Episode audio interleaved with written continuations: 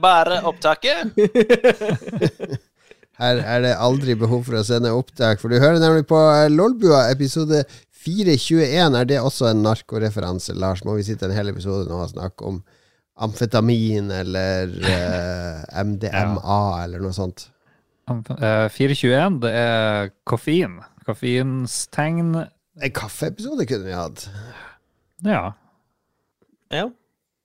Kan Det er populært å smugle kokain i kaffe, har jeg sett på Miami Vice. Ja, det er jeg tror det er sånn myte at det kamuflerer lukta. At uh, narkohundene lukter bare kaffe.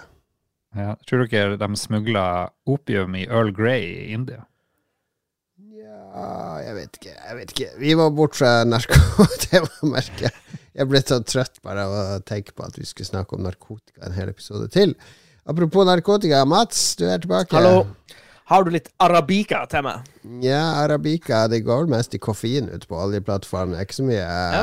Nei, snorting litt, av eh, amfetamin. Fordi Kom igjen, nok et 24-timers eh, skift, gutta! Pump opp den oljen! Kom igjen! Pump, pump, pump, pump, pump! Nå har vi pumpa, pumpa olja, vi er trøtt og sliten, og da er det på tide med litt kaffe. Ja, det holder massevis. Svart kaffe da, eller eh, flotte dere Svart- dere med latte og Nei, svart kaffe. Svart kaffe eh, Chai. hele veien. Hele veien hjem til vi setter oss på helikopteret.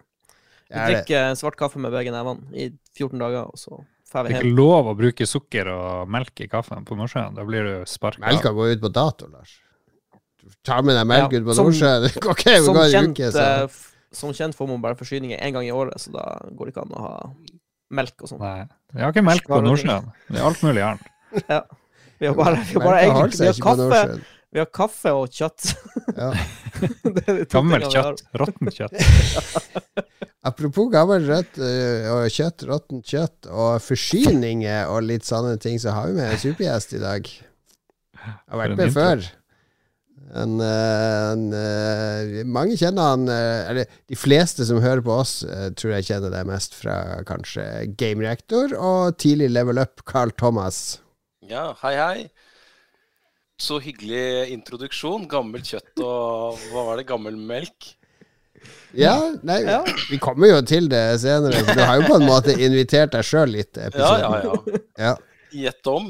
Eh, det var eh, Og jeg må si, det var ikke vanskelig å bli invitert. Jeg hadde, jeg hadde trodd at jeg måtte pitche meg selv litt mer inn til at jeg har, en bra, har et bra medieinnsalg her. Jeg jobber jo i en kommunikasjonsavdeling der hvor vi ringer redaksjoner og journalister ganske ofte. Og vi må pitche inn saker, og, og, og man må jobbforberede ganske mye et sånt innsalg. Men da jeg ringte til deg, Jon Cato, så var du mest av alt bare letta for å få noe gratis, liksom. Det var våre, våre vurderinger av innsalg, altså innsalg er veldig lett. Det var samme når Joakim sendte meg en melding Hei, kan vi snakke litt om konge... Kongen, eh, dronninga sin død? Så, ja, det var bare Da hadde vi en halvtime om kongeprat, rett og slett. Så er det, er det, gjelder det eh, hvem som helst, eller er det fordi vi har et gammelt eh, kollegium? eh? Nei, jeg tror Har vi sagt nei til noen som har spurt om å være med noen gang, Lars? Jo, det eneste vi har sagt nei til, og du skjelte dem ut, det var noen sånne kasinofolk som prøvde å sende Ja, det gjør vi. Det får vi mail fra av og til. Sånn der uh, Gambling-greier. Ja, Gambling-greier. og sånn drit. Uff. Fy. Fysj. Ja. De sier nei. Men Carl Thomas, du er jo du har jo gullbillett dit. Du kan komme når du vil. VIP. Ja, det er veldig bra. Når vi har noe nytt å selge, så skal jeg komme Ja. hver gang. Men det kan være at vi har noen nye lyttere? Altså, du, du begynte med spill eh, når du var 17 eller noe sånt? Skrev for Game Reactor? Ja, ja, ja. men Altså, jeg har jo vokst opp med storebrødre og, og spilt uh, spill hele livet, selvfølgelig. Men, uh, men uh, begynte å jobbe med det når jeg var ja, 17, kanskje. Begynte Ja. å skrive i Game Reactor, og, og ved en inkurie så var jeg ganske raskt også redaktør der. Ja. Eh, og så og, og jobba der i sju år eller noe sånt, for jeg begynte annet noen år sammen med deg. Det var der vi ble kjent. Det var der vi ble, eh, ble kjent, og, og jeg har jo stor sympati for, for den behandlingen som jeg hører Lars får gjennomgå eh, ukentlig. Eh, for det, det er sånn det er sånn eh, trigger-events, sånn flashback til eh, jeg satt på kontoret sammen med deg. Den, der, eh, den behandlingen der kjenner jeg igjen.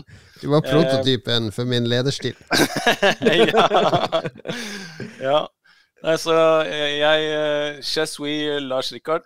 Eh, jeg tenner et lys for deg. Og, så har jeg jobbet i Level Up. Og, og så har Ja, du er jo ikke bare jobbet, du var, det var vel du som starta Mange tror det var Rune som starta Level Up, men det var det ikke. Eh, Nei, han var, han var jo med i eh, kulissene der, men akkurat når vi starta det, så hadde han permisjon, faktisk. Pappapermisjon. Så da var det meg og en som het uh, Endre, som Ja. hadde første sesong. Og så ja, var jeg med der i starten, uh, helt til jeg fikk meg en ordentlig jobb. VG er veldig glad i sånn her 'ikke lov å le på hytta' etter et konsept av Mats Hansen. Burde ikke stå 'level up' etter et konsept av Carl Thomas Aarum. Ja, helt sant. Spillnyheter på internett. Ja. Med, med copyright til meg, selvfølgelig. Korrekt. Hva du syns om at eh, Rune har bare stjålet hele level up-greia, liksom? Ehm, nei, hva skal Vi kan godt ha en beef. Det, er- det syns jeg er helt uh, hårreisende. Uh, men nei da. Det er helt Ikke så mye hår hos Rune, da. Nei, ja. nei da, det, det, det er helt eh, super, superbra. De har, eh, han og, og Carl Martin har tatt det i en retning som jeg aldri hadde klart å, å ta det i. Så det all honnør til det de har fått til. Hvorfor driver du og viser fingeren eh, rett i? Ja. Nei, det er, eh, det er eh, fordi jeg hater trynene deres, begge to, selvfølgelig. Der, ja! Du tok jo et bevisst valg, for jeg trodde du kunne jo fortsette i VG med spilljournalistikk og videreutvikle ting, men da tok du et valg om Vet du hva, nå er jeg blitt voksen, ferdig med spill, nå skal jeg jobbe i kommunen. Ja, altså det var ikke helt det, men det er klart når du har jobba jo- På det tidspunktet jeg slutta i VG, så hadde jeg vel jobba med spill i 10-11 år eller noe sånt. Eh, og, og, og det var ikke noe gøy mer. Det var ikke noe gøy å spille, og det var, hadde ikke noe sånn eh, entusiasme for det lenger. Og det, da var det kjedelig å, eh, å fortsette med det også. Og så var, det, var jeg jo fortsatt så ung at jeg kunne bare begynne med noe nytt. Mm. Eh, så jeg hadde tatt en utdanning samtidig, og, og begynte å jobbe i byråverden i Oslo med reklamebyrå og PR og sånn. Og så, og så begynte i offentlig sektor i staten. Ja. Eh, I Direktoratet for samfunnssikkerhet og beredskap, der hvor jeg er nå, i Tønsberg. Det er, det er litt av kjernen med hvorfor vi har uh, sluppet deg inn her. For vi skal Det er jo høyaktuelt nå, da. Jeg ser det jo, nå, nå, nå er det jo gode tider for det. Du må jo klappe i hendene hver dag, for nå er det uh, råd om Men eh, alle må kunne klare seg noen dager nå uten strøm og vann og uh, atomkrig og alt. Det, det er jo, kan ikke være så vanskelig å selge inn saker nå lenger, Carl Thomas? Nei, nå er, det, nå er det hver dag nesten. Så er det nye saker eh, og lederartikler og eh, Det var jo på forsiden av VG eh, i går, altså mandag denne uken, var det jo toppsak på, på VG om at alle bør være forberedt på varig strømbrudd. Og det er lederartikler rundt om i, i landets aviser. og det er det, det, og det har pågått i mange uker. Ja. Så akkurat nå så får vi veldig veldig bra gjennomslag for akkurat dette. Og så er det selvfølgelig grunnen til det er jo ikke så lystig, ikke sant. Det er jo fordi mange er redde, og, og det er en, øh, en reell fare for øh, strømrasjonering eh, også. Det snakkes om det. Så det eh, bakgrunnen for at det er mye skriveri om det nå, er jo ikke så lystig. Men, men vi som jobber med å øke den eh, hva skal vi si, egenberedskapen til alle, alle som eh, alle innbyggerne i Norge. Vi er jo glad for at det er så høyt på agen- på agendaen. Og så ser, så vi jo en naturlig crossover til spillenes verden, for det er jo ikke noe gamere elsker mer enn postapokalypsen. Og endelig kollapser samfunnet. Endelig kan Mats eh, på med våpnene sine og ut i postapokalypsens eh, verden. Og endelig kan vi leve i dette vi har spilt hundrevis av timer. Ja, altså Både spill og eh, litteratur og film også, for så vidt, elsker jo Det er sånn endetidsromantikk. ikke sant? At man, man er så glad i det at man bare Og vi som spiller har jo spilt eh, alle verdenskriger og alle samfunnskollaps i, i alle ulike former mange ganger. Mm. Så det er en sånn idé om at alle vi som har spilt ja, tenker, tenker jeg sjøl også, at nei, vi, har liksom, vi, er, vi er et lite hestehue foran de som ikke har gjort det. Jeg har mange gode tips hvis du trenger det til sånn innsalg av gode saker fra Ja, bra. direktoratet. Eksempel, eh, er det trygt å drikke vann fra sisterna på do? Eh, det her sier eh, DSB-sjefen eh, om det, eksempel. Eh, fem måter å bruke restvarmen fra varmekablene når strømmen endelig går. Kan du liksom rekke å koke et egg på varmekablene? Eh, sånn lager du mat i vedovn. Ja. du strøm. Ja, Så her er det bare å rause på. Vi hadde en kampanje for noen år siden der hvor vi rigga en eh, pop-up kafé på Storo senteret i Oslo. Hvor vi, Den het Sisterna Taverna. eh, Hvor vi rigga opp, bare hang opp sånne sisterner, toalettsisterner, på veggen. Og så lagde vi kaffe og tilberedte te og drikke på sisternevann. Eh, og det var det ikke så mange som ville ha. Det må vi bare forberede oss på. Det kan være neste uke. Ja. kan. Nei, men vi skal snakke mer om eh, beredskap eh, etterpå. Eh, høre litt om hvordan det står til med beredskap hos oss, og ikke minst eh, stekkrenke litt eh, overlevelsesspill, rett og slett. Ja. Mm, mm, mm. Men før det så må vi høre om det har skjedd noe av interesse i livene våre. Eh, Lars, sist uke ble du arrestert med drone. Slapp ut av fengsel, eh, selv om du så russisk ut. Kan ikke komme med en kan ikke komme med en skrøne nok en gang. Det var ingen som trodde på den der dronehistoria di. Det, kanskje det er sant. Kanskje det er sant. Det jeg har gjort denne uka her, jeg har gjort utrolig mye spennende.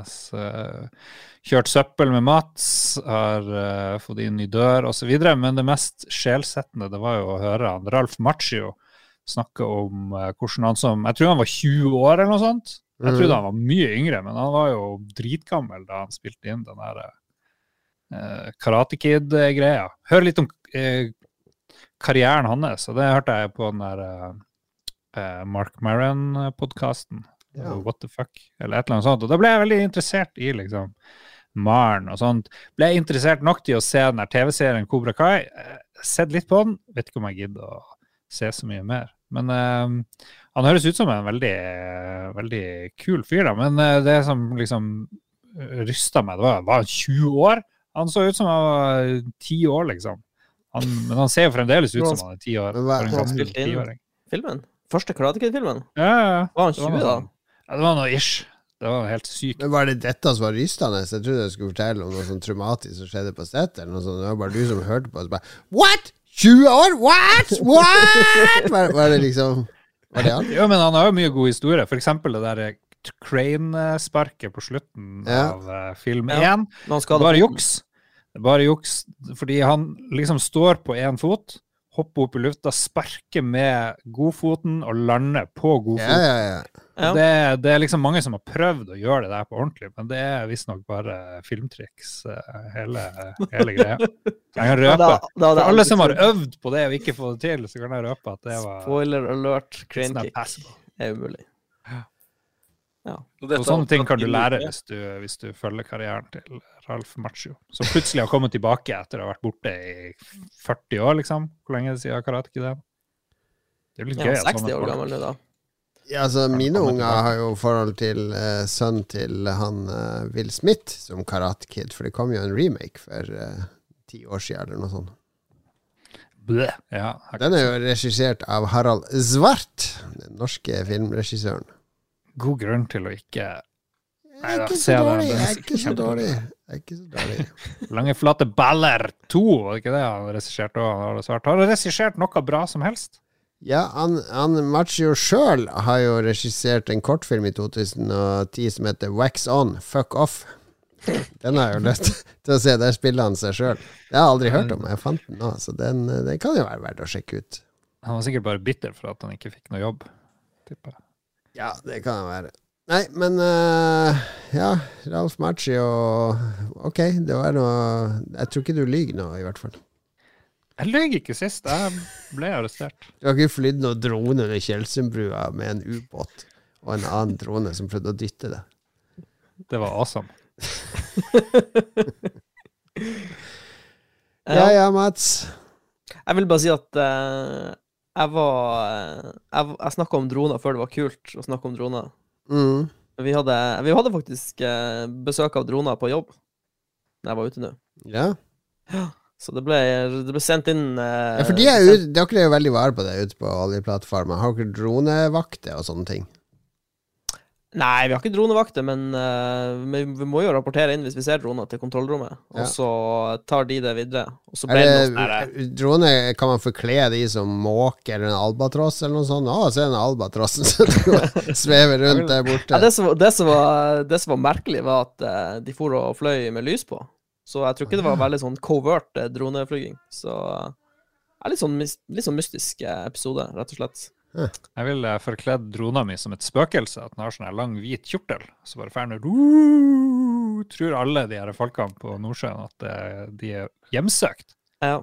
Vi kunne malt den blå, da, eller et eller annet. Jeg vet ikke. Det er mange triks man kunne gjort. Men det, det er bare liksom beredskapen på, i Nordsjøen. Det er egentlig at alle som står og tar en sigg ute på dekk, det er liksom se, se litt opp i lufta. Ja, det er, det er beskyttelsen vår.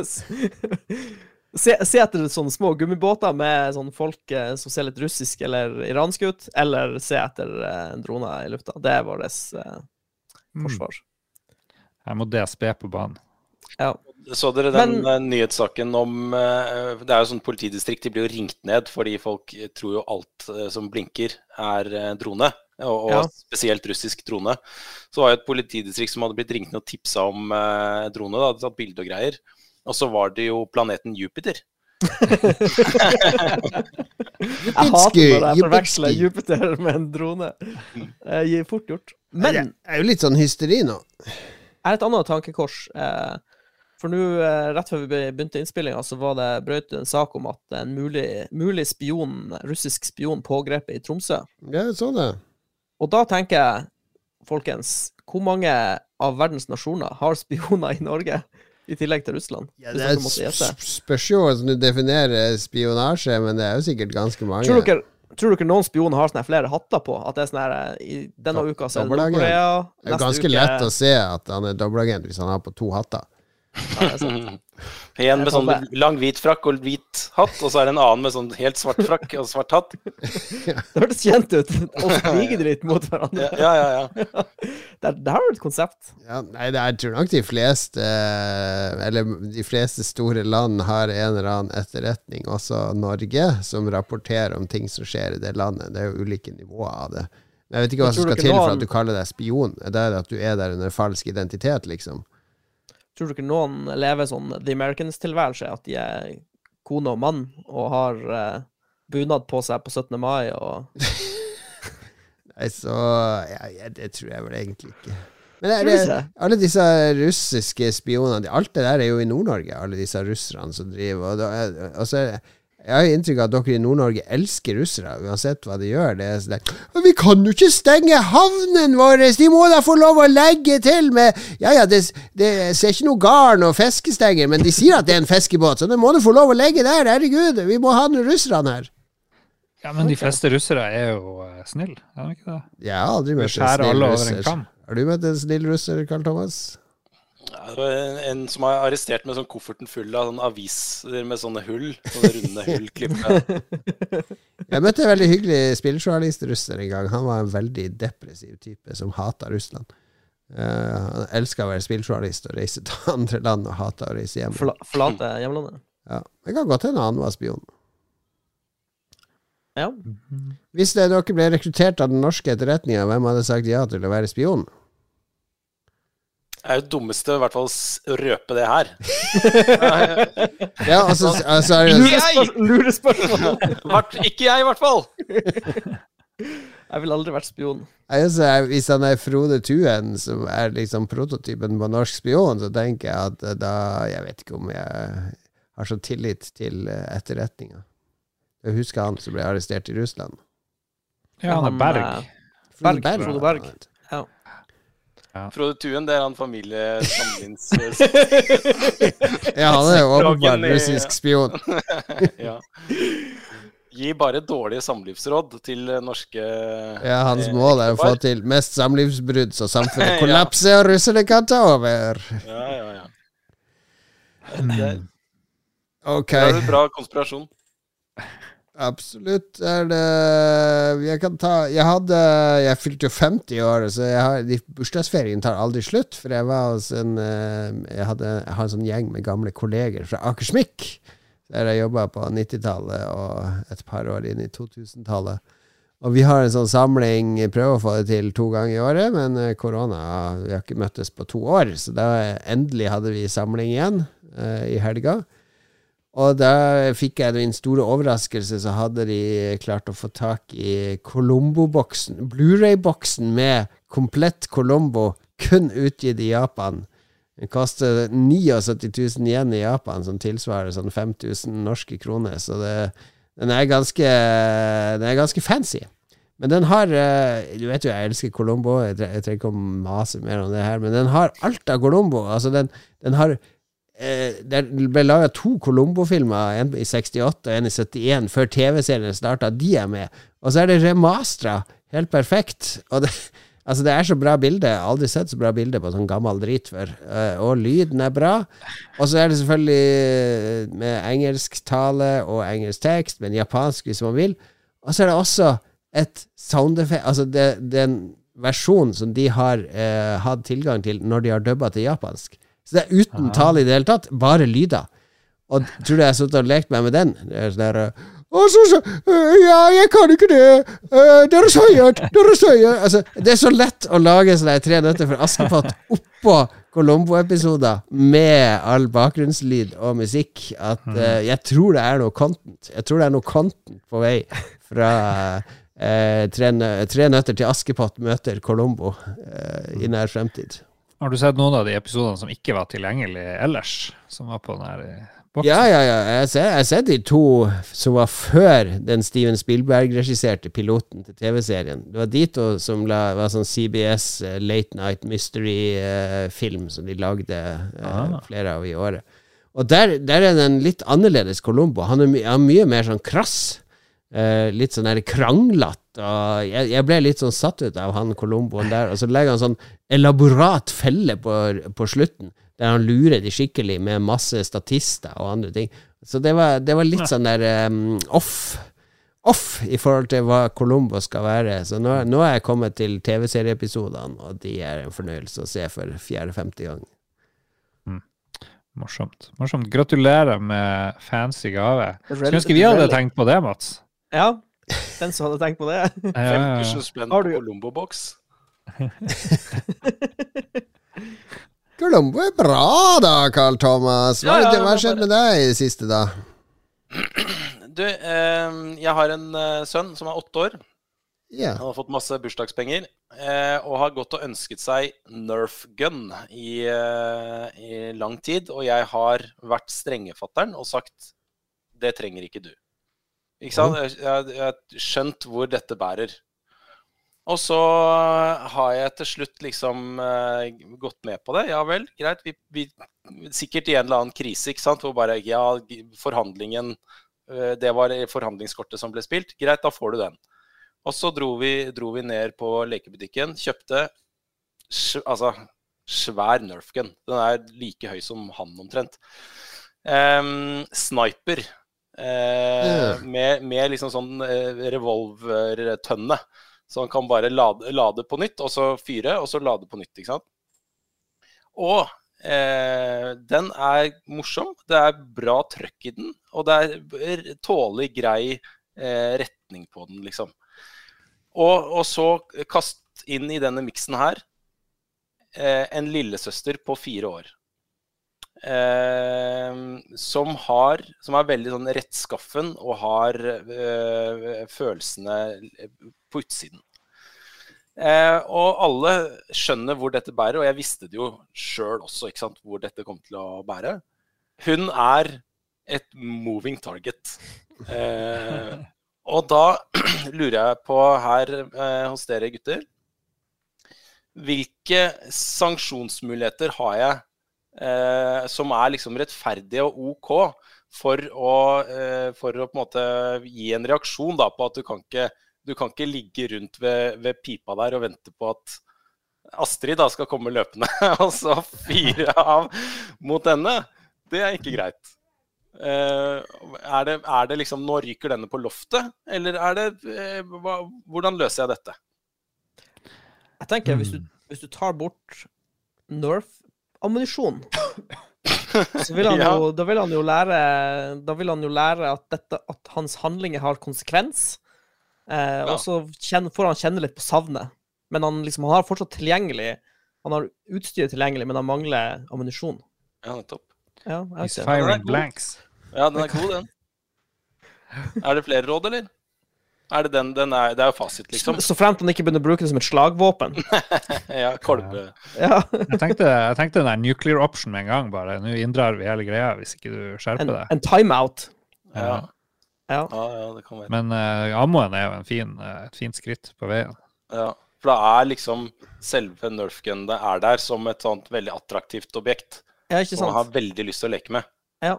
Mm. Ja, den er fin, den. Men det er jo ikke gøy å skyte på blink med nerfgun. Det blir jo kjedelig etter hvert. Det er jo det som er gøy, å skyte på folk. ja. ja, men OK, hva om jeg kaster denne inn i miksen her, da? Jeg kjøper en til henne også. Ja. Der, nå snakker vi. Ja, ja, for da kan hun øh, beskytte seg. Ja. Noe mer sånn med Men da mer- tror jeg du har lagd en miniatyrversjon av Chicago hjemme. Jeg brukte da jo Da, da kjøper de sivile våpen for å beskytte seg mot gjengmedlemmene Ja. som ligger bakhold, og så blir det egentlig bare at alle skyter hverandre. jeg, jeg, Ja. Det jeg foreslår du kjøper, det fordi jeg kjøpte jo Nerf eh, til ungene hver gang jeg var i USA, i spilljournalisttida, for da var ikke Nerf kommet til Norge. Eh, og det var sykt billig i USA. Altså dollaren var nede sånn syv kroner, og eh, den sniperrifla var liksom 20 dollar eller 25 dollar. Det var ganske billig på den tida, husker jeg. For jeg syns det var sykt billig for den Nerf-greia. Jeg kjøpte svære gunnere og hadde med tilbake til de. Og, og den største jeg kjøpte, det var jo en sånn der eh, eh, Med seks løp som roterer rundt, og en sånn beltefeeder. Så det tar jo eh, 20 minutter, for det er tre belter på rad, så jeg la det med sånn 50 skudd i det beltet, som du kobla på. Og så kunne du bare holde inne, det gikk på masse batterier, ikke sant. Og da var det sånn To hender holdt du den. Og jeg husker når de andre ungene i nabolaget begynte å leke, for jeg kjøpte det her når Thomas var liten. Han er jo 22 nå. Og så hadde jeg to andre unger som begynte å bli sånn fem-seks år, og oppdaga hele den gigantiske Nerf-samlinga inne på boden. Og da hadde de andre unger i nabolaget begynt å leke, de løp rundt med sånne små pistoler, og så kommer mine ut med sånn herre og sånn. Og det, det, da, da ble det furore i nabolaget. Jeg hadde jo det arsenalet. Våpenkappløp. Så urettferdig. Men jeg kjøper den til henne, ikke sant? Så bror, eh, storebror driver og skyter, Pow! Pow! og så kommer hun ah, pappa! Ja. Nei, men eh, takk for gode innspill. Eh, jeg heller mot eh, Mats eh, sitt forslag, men selv om det er veldig fristende, selvfølgelig. bra med options. Ja. Bra med options.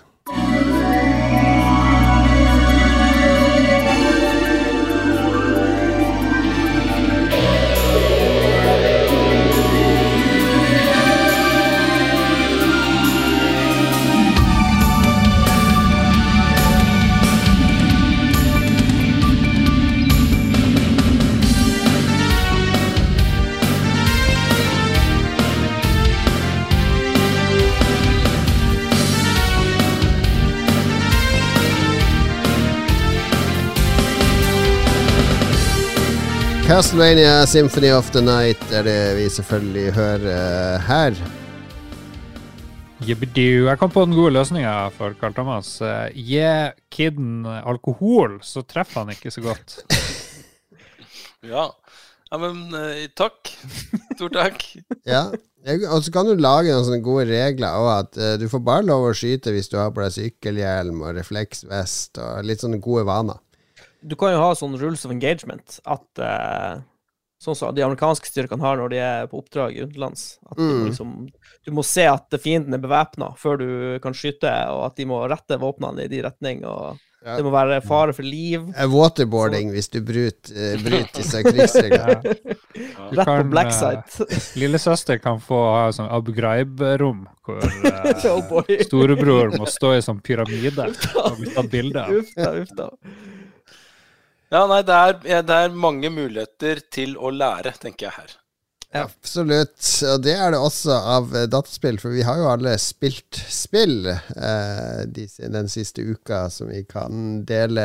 eh, Bortsett fra Lars, som eh, du er fortsatt på samme spill som du snakka om sist. Jeg, nevnte, jeg kom ikke så langt, så jeg nevnte ikke det sist, men det sto på lista. Ah, ja, ja, Så, da tar vi ja. det.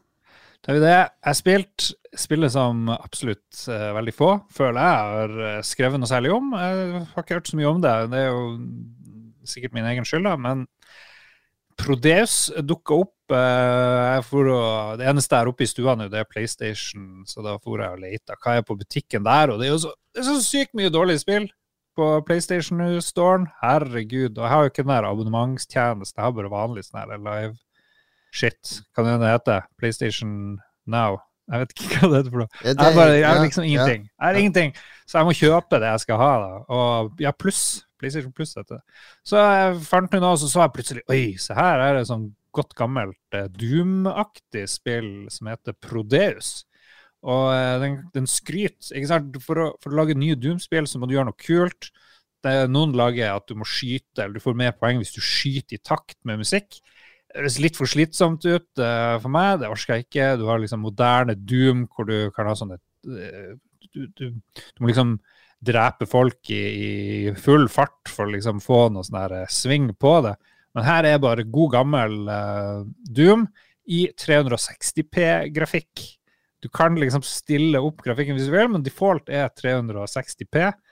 Og det er sånne enorme modeller, så hvis du går rundt en fiende, så bare hakker liksom er bare det er sånn, egentlig en sånn 2D-sak. En sprite. Ja, en sprite. Og det, det er fantastisk. Du, eh, du kan velge sprint som default, så du bare fyker gjennom brettene og hopper fort. Og du har skikkelig kule fiender som eksploderer i blod og gørr. Og masse secrets, og ikke altfor store kart, og veldig lite handling. Nesten ingen, ingen handling. Det er bare litt sånn Demoner har tatt over, og du må bare dra og drepe. Jeg aner ikke hva jeg holder på med. Kom, ingen dialog, null dialog, ingen karakterer. Du ser ikke et eneste menneske, du ser bare demoner.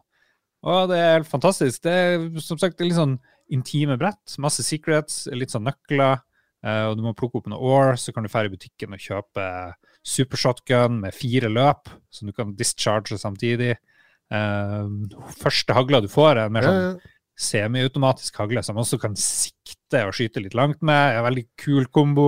eh, Veldig nyttig hagle. Føles det bare som å spille et 90-talls skytespill, eller er det lagt til noe som liksom Ja, det er nostalgi, men det er også noe annet? Noe fresh? Noe det- nytt? Hovedgimmicken er jo at det ser jævlig gammelt ut. Ja. Men det Jeg syns level-designet er Det er liksom clean, og så tar de med litt sånn nye ting. Du kan liksom få føle at ja, ja, de har spilt litt Portal, eller de Er det de samme mekanikkene med at du har tre, en, en rød knapp som åpner en rød dør, en blå knapp, eller er det noe mer komplekst i eh, miljønavigasjon? Jeg har spilt fem-seks level og holdt på en noen del timer og oppgradert masse, men det er jo ikke noe sånn helt sinnssykt. Men det er bare kjempebra level-design, er vel liksom hovedgreia. Og at det er gøy å explore og sånt. Så ja. Jeg har ikke Jeg har lest noe, jeg så en sånn review, jeg måtte jo bare se er det her verdt å kjøpe, liksom. Og det var bare Mhm. oh, det var recommended på Eurogamer en eller annen gang. Ja, det ser kult ut. Jeg, tok, Så- jeg, la, jeg la det til på Steam Wishlist for sånn ett og et halvt år siden, så har jeg bare glemt det av. sikkert, jeg vedder på at du har, du har tresifra antall spill på den wishlisten din. Mats. Ja, det er ikke langt, det er ikke langt unna. Jeg gikk gjennom wishlista mi her om dagen. Bare hva i all verden er det her? Hvorfor har jeg lagt til det? Hvorfor What har jeg lagt this? til det? Bare Ja, det, ser ut som, det ser ut som Brutal Doom med bra lyssetting og ja, tight musikk og Ja. Men jeg tror, ikke, jeg tror ikke det tilfører noe til sjangeren. Men det, det, jeg tror de er veldig sånn bra tuna. Ja. Bra, bra gameplay. Jeg artig orker ikke å skyte i takt med musikk, liksom. Gi meg ordentlig Lars vil bare greier. skyte. Men jeg ser det, eh, du sier også at det, det ser jo ganske gammeldags ut, eller er en sånn hyllest til denne gamle sjangeren. Men akkurat blodspruten, den er, ser jo ganske voldsom og svær og den, Der har de ikke spart på noe. Nei, det er ganske mange liter blod eh, som har gått med, så blodbudsjettet er ekstremt høyt. Det er det. Veldig bra. Vi kan holde deg litt i den retro-greia, for jeg har også spilt noe som ser veldig gammelt ut, eh, nemlig et PK-klikk-spill som heter The Excavation of Hobbs Barrow. Eh, en barrow, for de som ikke vet, det er jo I England har de mange av de det er sånne små sånne eh, En bitte liten sånn haug.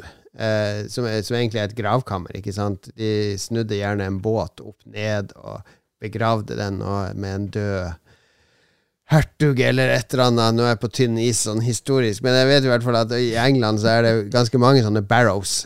Som er gamle gravplasser, og det var jo røvere som gravde seg inn. Og for å ta, det var ofte gull og sølv og andre ting inni de. Eh, Så The Excavation of Hobbs Barrow er et pek-og-klikk-eventyrspill der vi spiller en ung dame. Vi befinner oss vel eh, slutten av 1800-tallet, starten av eh, 1900-tallet, tror jeg. Eh, antagelig slutten av 1800-tallet. Det er ikke elektrisitet og sånn, men det er tog. Så hun- ankom en, en by, da. En liten landsby i, eh, i England. Fordi hun har blitt kontakta av en uh, Hun er liksom litt sånn der uh, ung Lara Croft, hun her. Altså, hun, hun er ekspert på barrows og har blitt kontakta av en lokal fyr som mener at det er en veldig sånn spesiell barrow der. Um, og som hun skal møte på det lokale vertshuset, men han dukker jo selvfølgelig ikke opp, så det er et eller annet mysterium her. Jeg har spilt uh, et par kapittel, og jeg har sjelden kost meg så mye. Nå har jeg jo spilt uh, Return to Monkey Island, det syns jeg er dødsbra. Og det her er litt i samme gata. Det er, uh, det er noe sånn retro med det, men de har noen grep som gjør at Som holder på meg som spiller. Og både det her og Return to Monkey Island gjør som er genialt, er at jeg har en to do-liste. Så eh, hvis jeg lurer litt på hva jeg skal gjøre, så kan du åpne to do-lista, fordi den peker deg på en måte i riktig retning. Husk å sjekke det, eller finne ut eh, hvorfor han ikke dukka opp, eller Altså, altså det, det var det problemet med sånne gamle eventyrspill når du spiller på nytt. Av og til så blir det bare gående vill. Altså, ok, jeg får gå innom de 20 brettene jeg har vært på, og se om jeg har oversett et eller annet Klikke på alt. Klikke på alt. Og det, det er også en ting som disse, både Monkey Island og dette har. Du har en knapp som du holder inne, så highlighter den alt du kan interagere med. Det er ikke noe vits å sitte og, streife musa sakte og frem og tilbake over skjermen for å finne den ene pikselen med, den, med det nøkkelhullet i veggen som du skal putte nøkkelen i. Det, det, det er ikke poenget med sånne spill. Men det som gjør Dette spillet ser veldig gammelt ut, men det er veldig bra voice acting. Det er voice acting på alt. Og så er det eh, Det er sånn utrolig creepy stemning. Det er sånn minimalistisk musikk som bare er sånn basstone som kommer og boom, boom, boom. Når du står i scener som kunne vært koselig med litt sånn vertshusmusikk, men i stedet er det den der gufne musikken. Det er noe galt med lokalbefolkninga, det er veldig brysk. Eh, det er gode beskrivelser. Det er liksom det er syv asjetter over den baren i vertshuset, med ene med en geit, en med en høne, en med en rev. Altså, det er et eller annet Jeg driver og legger meninger i veldig mye i omgivelsene. Det virker veldig sånn gjennomtenkt, uh, den atmosfæren de går for, og, og hva jeg interagerer med og får lese og oppleve i spillet. Så, Det er noe sånn Kutulu-aktig ja, det virker som det er et eller annet sånn uh, Lovecraft-aktig under overflata her. Så jeg har ikke kommet så langt at jeg kan bekrefte det ennå. Men stemninga alene gjør at det, det er litt sånn depressivt. Det er veldig engelsk. Det er grått, og, og det regner, og det er eh, eh, dialekter fra den engelske landsbygda. Så på, på Steam-dekken, det er helt perfekt. Perfekte Steam-dekk-spill. Det er liksom det og Monkey Island det går mest i på Steam-dekken nå. Hvis de bare hadde endra på været og musikken, hadde det blitt litt sånn mer hyggelig. Ja, det kunne blitt det, men det, det, det er flash av eh, Fate of Atlantis og den type spill her. Bare Selv om det ser retro ut, så er det noen moderne hjelpemidler som gjør at meg som spiller, eh, koser meg enda mer. Så det anbefaler varmt. Excavation of Hobbs Barrow, en liten eventyrspillperle. Nei, det ser Nice. fantastisk ut. Jeg tenkte Jeg på så jo en, der, uh, Jeg så en eh, film i Lukas Hapsting med en gang. Så en film i fjor som handla om en sånn her Barrow. Ja, ja, ja, den har, jeg også sett. The Dig. The Dig med han der uh, Han litt Han, sånn uh, ydmyke uh, Ralf. Ralf Machio. Fi- Fine. Fine. Fien. Oh, ja, Jeg tror jeg slet med å uttale navnet hans da òg. Jeg trodde det var Karat Kid. Ralf Machio, men det var Ralf Fiens. Ja, apropos eh, spill vi har lyst til å anbefale, så vil jeg eh, ikke anbefale det jeg har spilt. Nei da, det var litt, eh, det var litt hardt å gå ut. Men jeg har Ja, spilt gjennom on. kampanjen til det nyeste Call of Duty-spillet. 10-4! Dead 4! Oscar Mack! Oscar Mack! Ja, jeg har også spilt en del av den. Ja. Nei, det eh, Den ser veldig bra ut. Ingen kan komme og si at det ser dårlig ut. Visuelt veldig imponerende. visuelt veldig imponerende. Men jeg skulle ønske noen kunne si til utviklerne at irriterende er ikke det samme som vanskelig. når du skal lage brett. Det er to helt forskjellige ting.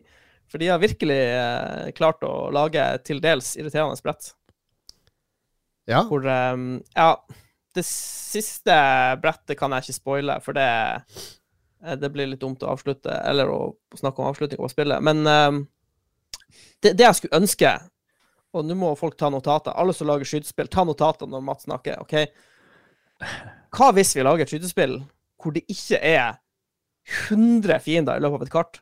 Hva hvis du skrur opp vanskelighetsgraden på å beseire én fiende, sånn at du slipper å ha tolv karer? For det blir så Det blir så det, det, blir, det blir så rart når du liksom går inn i et rom, og så bare ramler Det er som, det er som en sånn klovnebil som står parkert på utsida. Det Det er som sånn shooting gallery. folk.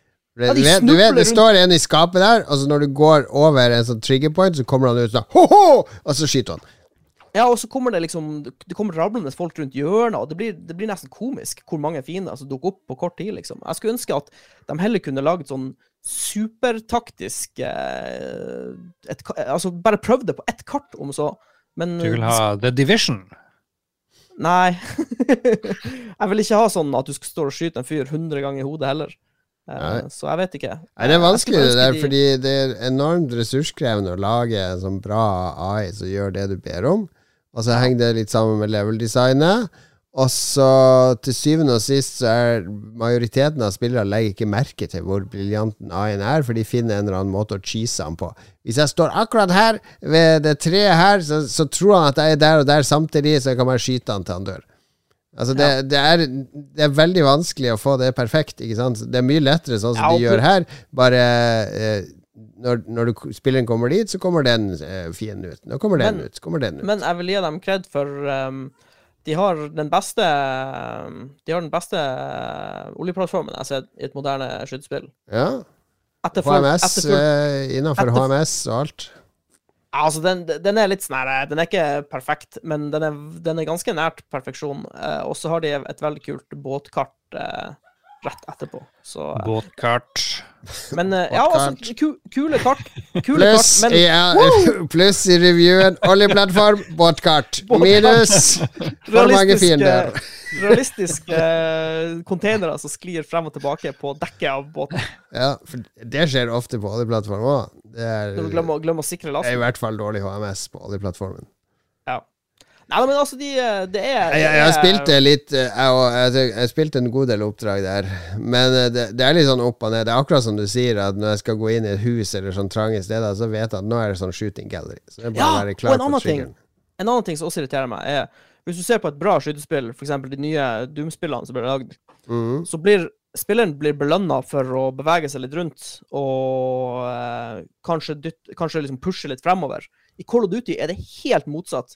Du blir straffa med en gang du prøver å gå for langt. Ja, du skal jo bare stå her og skyte litt, og så nå skal du gå. Stå her og skyte litt, ja, nå skal du gå. skal, gå, du skal gå i dekning, og så skal du lande litt ut, skyte, vente, lande ut, skyte, vente. Og så er det noen brett fremover- som er sånn dritsmå, altså det tar fem minutter å spille gjennom, og så er det noen som er sånn en lang sti du skal gå på og stoppe jevnlig og skyte på de scenene Ja. som er.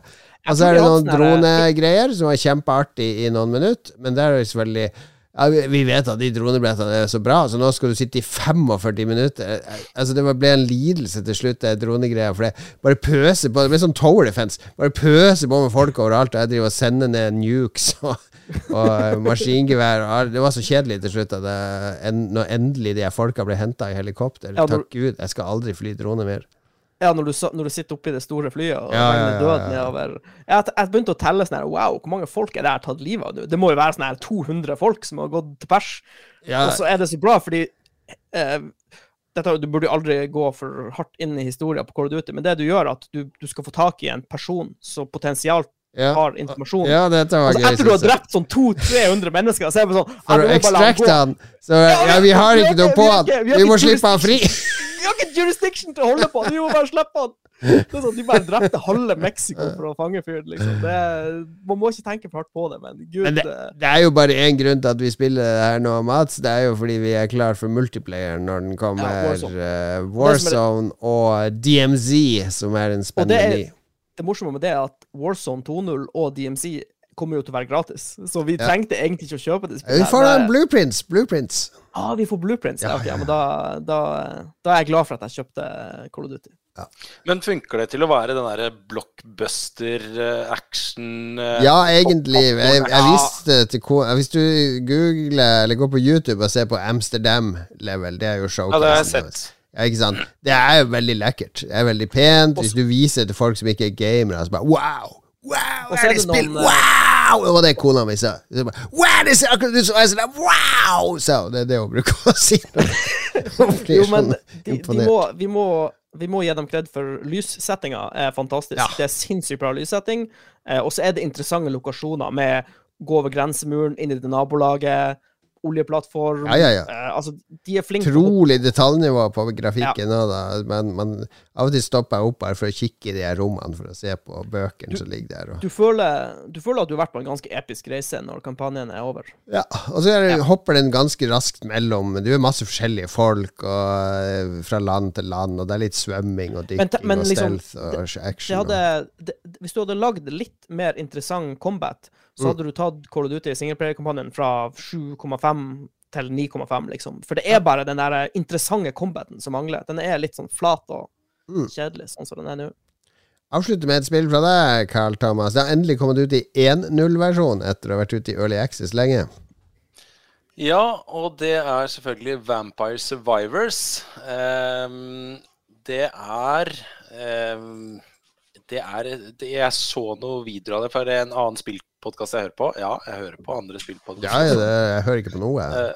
nei. Eh, der er det en av de da i, i Get Played, som er eh, helt helfrelst på Vampire Survivors. Og så så jeg at det hadde kommet nå eh, på GamePass. Ja. Eh, og så testa jeg det. Og det er Det ser helt forferdelig ut. Jeg hadde aldri giddet å prøve det hvis jeg ikke hadde fått det varmt anbefalt uh, i denne podkasten. Ja, vi har har anbefalt det er- det i vår podkast. Til og med Lars har spilt det her på PC sant? og elska Vampire Survivors. Har, det vært, har snakka om det før? Ja. Å nei. Nei, men nå er 1-0 Ja, ute, så gjøre det er lov å snakke om det. Ja, jeg kan gjøre det veldig kort. Det er, det det er jo et, et bullet hell, ikke sant, som bare svermer av Det var, var noen som sa at uh, det, var, det var mye når det var uh, Du hadde tatt 200 fiender i løpet av et drone, uh, dronebrett. Prøv 10 000 fiender, som jeg hadde på det ene gunnet der. For det bare, det bare myldrer hele tiden av fiender og belønninger og, og prosjektilangrep og, og, og spells og alt mulig. Det er et fullstendig sånn kaos og kavalkade av, av lys. Eh, hvor du, hvor du på en måte beveger deg litt som du gjør i et sånn bullet hell-spill, hvor det kommer angrep fra alle kanter hele tiden. Du prøver bare å finne det bitte lille området på skjermen hvor du ikke tar skade av å stå. Hele tiden. Strafer rundt i rundinger og prøver å bevege deg sånn. Og så er nesten alle angrepene er, eller vel alle, er uh, automatisert. Sånn at du bare uh, Du velger neste utvikling, neste oppgradering i et sånt uh, utviklingstre. Og så er, skjer alt annet av seg selv. Jeg fikk sånn eh, autoklikker-feeling av det spillet. Sånn bare at du springer rundt, men du Ja. trenger ikke gjøre så veldig mye. Nei, nei, du trenger ikke det. Så eh, det er som en twin stick, twin stick shooter med bare én stikke omtrent. Hvor det er eh, one stick shooter, da. Eh, hvor eh, så- Ny sjanger. ja. Som, eh, eh, som jeg aldri hadde plukka opp, men som jeg ble ganske hekta på de timene jeg, jeg satt med det. Em, det er, det er sånn eh, litt sånn som eh, eh, Du kommer i en sånn zen-aktig følelse, eller sånn zen-modus når du sitter og spiller det. At du bare er i en sånn flytsone. Du, du sitter bare og har kobla ut og, og har, har nesten bare USB-en rett i ryggmargen og, og styrer eh, med bare liksom ryggmargsrefleksen hele tiden. Um, så det Jeg ble ganske hekta på det. Uh, og så eh, trodde jeg at jeg var ferdig, for jeg liksom bikka over til at ah, OK, nå, nå, mm, nå har ikke dette spillet mer til meg. Og så prøvde jeg et par ganger til, og det, jeg klarte å bli litt hekta igjen, altså. Så nei, jeg syns det, det var helt OK. og Det har, eh, det har eh, en sånn soundtrack som er litt sånn masende og er full av vampyrklisjeer. Eh, med, med kirkeorgel og ja, hele pakka, liksom. Eh, men jeg vet ikke, det minna meg om når jeg spilte sånn uh, Slay the Spire, som selvfølgelig er noe helt annet, det er en sånn taktisk greie. Men ja, ja. at du er i en sånn flytsone, og, så- og så tar du et run, og da leveler du opp noe annet, og da blir neste run helt annerledes fordi du har oppgradert noen abilities Ja. eh, Ja, men du har, du har helt rett. De er egentlig veldig like. For det Det- handler om å, det handler om å finne synergier og ting som jobber, som Ja. spiller bra sammen. Finne Ja, altså Ulike parametere som du flytter på, som definerer Mm. eh, opplevelsen. Jeg syns òg det er utrolig morsomt med sånne spill. Når man klarer å finne noe sånn her broken, broken shit og bare går rundt og smelter hele Ja. kartet. Det er en fantastisk eh, følelse. Broken shit, altså. Vi kan høre litt fra dette soundtracket du nevner.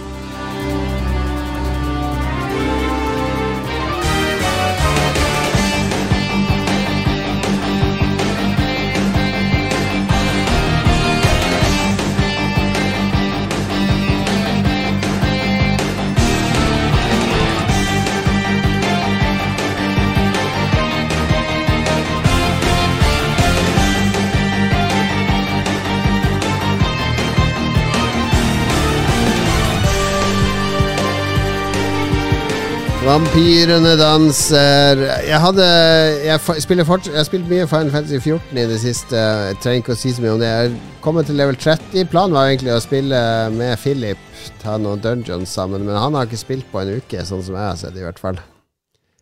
Han spiller bare på slurva. Ja, noe sånt. Men uh, det, er, uh, det er et fenomenalt MMO. Det blir bedre og bedre for hver level. Fordi det, det, det er så mye dybde i det.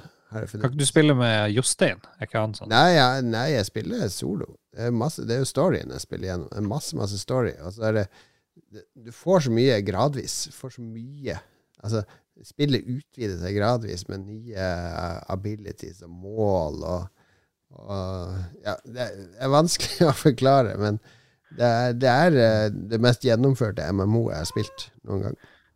Prøvde å forklare det med en sånn håndbevegelse. At uh, hånda Ja, gikk som høyere den og høyere opp. Den her. Ja. Nei, men jeg, må si, jeg, jeg skjønner ikke hvordan du rekker alt. Jeg, Jon Cato. Jeg du, du har så stor sånn evne til å, til å gå all in på veldig mange ting. Sånn som f.eks. Formel 1-greiene dine, og, og nå, Ja. eh, nå også Altså Tarkov, da det var, da det, var det. Og så Ja. eh, Call of Duty og det nå det var det. Ja, jeg får jo ikke gått all in nok. Hadde jeg vært eh, for 25 år siden, så hadde jeg jo vært level 60 i Final Fantasy 14 nå. Men det er jo min måte å koble av på. Og så, så lenge den podkasten tjener penger, så kan jeg si til kona at det er jobb og ikke hobby. altså, nei da, jeg, ja, jeg spiller jo sånn som det er Hobbs Barrow, der har jeg bare spilt en time, ikke sant. Og Final Fantasy har jeg sikkert spilt fem timer denne uka. Uh, jeg spiller litt i helga, spiller litt uh, Det var ikke kritikk, du trenger ikke forsvare det. Det er- beundring. Ja. Nei da, men eh, det er prioriteringer. Prioriteringer. Og prioriteringer er det vi skal snakke om nå, for nå er det beredskapstips fra Carl Thomas. Uh, Sponset av Nummer eh, beredskaps... eh, ja. Vi begynner ikke på nummer én, vi begynner på nummer 50! ja, nedtelling. Ja. Bra. Nummer 50, ja.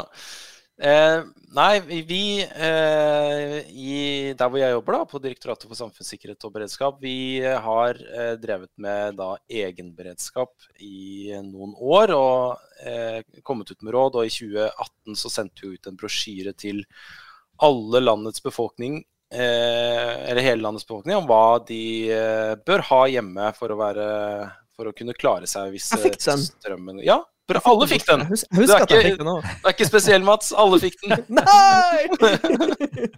okay, nå er jeg spent på hvor mange av oss som har fulgt de her rådene. Ja, det, eh, det er jo mm, ganske mange, men ikke mange nok, ikke sant? Eh, Ja, hvor mange har du noen prosenter? Ja, eh, hvor mange som I hvert fall ved forrige måling så var det tre av ti som hadde lagret vann. Oi. Og, og vann, det er på en måte den, ned, den, den som er vanskeligst å få folk til å gjøre. Men er det ikke bare sånn at dere sier ok, folk må ha så så mye vann, og så tar dere høyde for at det er bare tre av ti som har vann, så har de nok til alle. Så slipper vi andre. Ja, hvis vi sier at de trenger altså For nå sier vi du må ha ni liter per person. Så hvis vi sier altså hvis vi skal utgangspunkt i at det er 30 bare av det man Mm. trenger, så da trenger du Jon Cato, du som er mattegeni her. Ja, jeg trenger Men det er ni fem ganger og- 45 til Ja. liter vann. Det har. Ja, det, var ikke, det var ikke det, men, men uh, hvis, hvis vi sier at Jeg driter i de hver andre, en- jeg tenker på min familie. Nei, hvis vi sier at hver og en kommer til å trenge 40 liter Ja, vann, Mm. så hvis bare 30% følger den oppfordringen, så er det likevel nok vann til alle. Det var det du mente, Lars?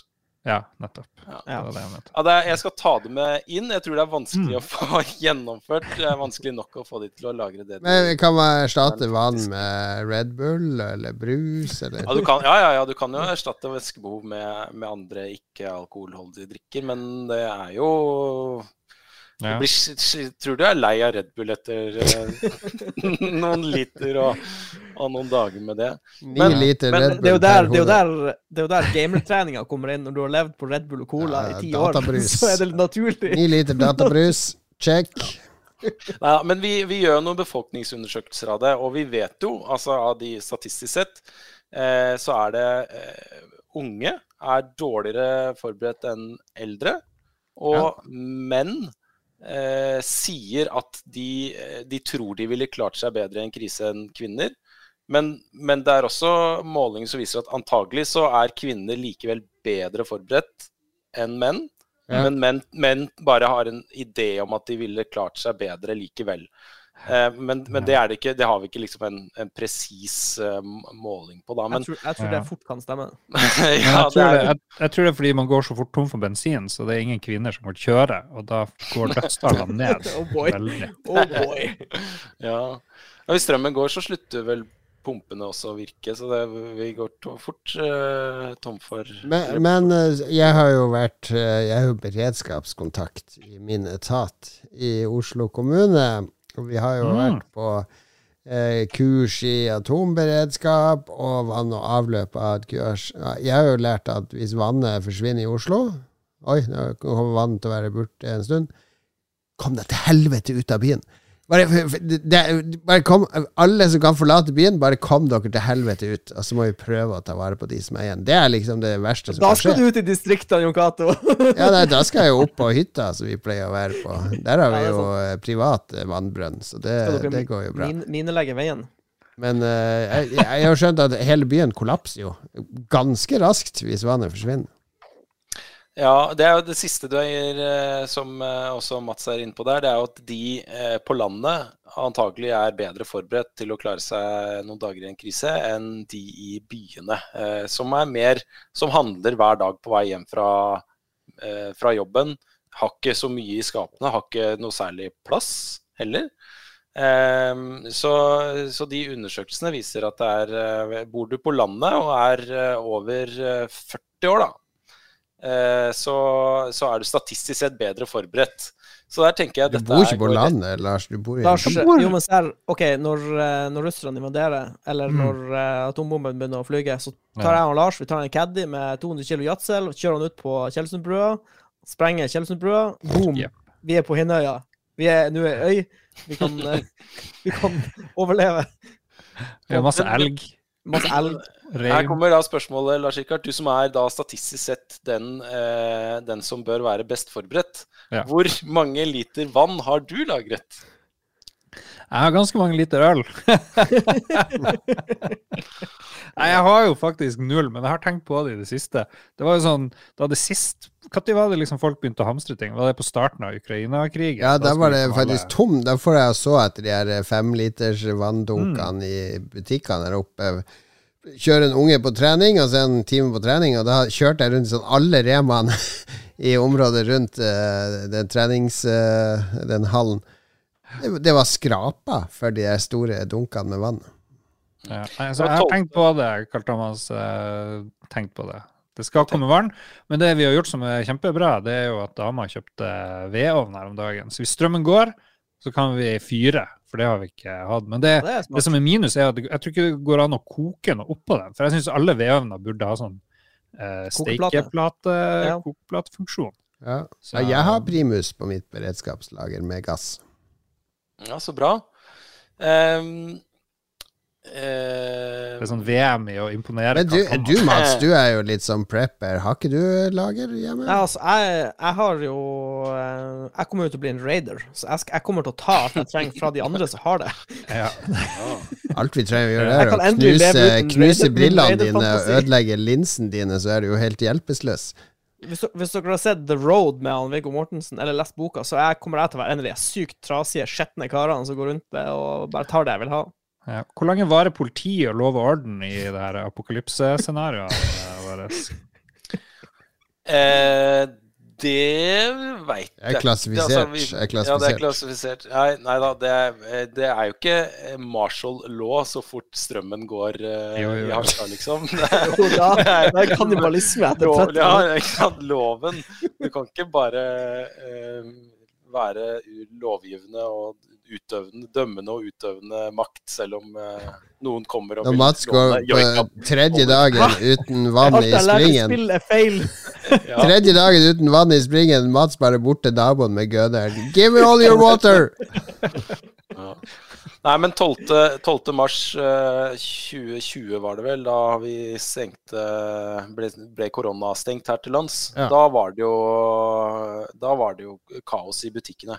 Ja, ja. Det var jo liksom det første, første sånn hamstringstendensene vi har sett sånn uh, Det fløy mye tiden dopapir av hyllen da. ja, det er helt sikkert. Men uh, og det var jo, har jo også vært flere runder nå under uh, Ukraina-situasjonen, der hvor det er uh, jodtabletter, f.eks. Uh, når det har vært, var brann i den røde skogen utenfor Tsjernobyl. Jeg har det. Jeg er klart. klart. det er veldig bra. Det er veldig bra. Det er jo for uh, Jeg er en hver kveld, i tilfelle.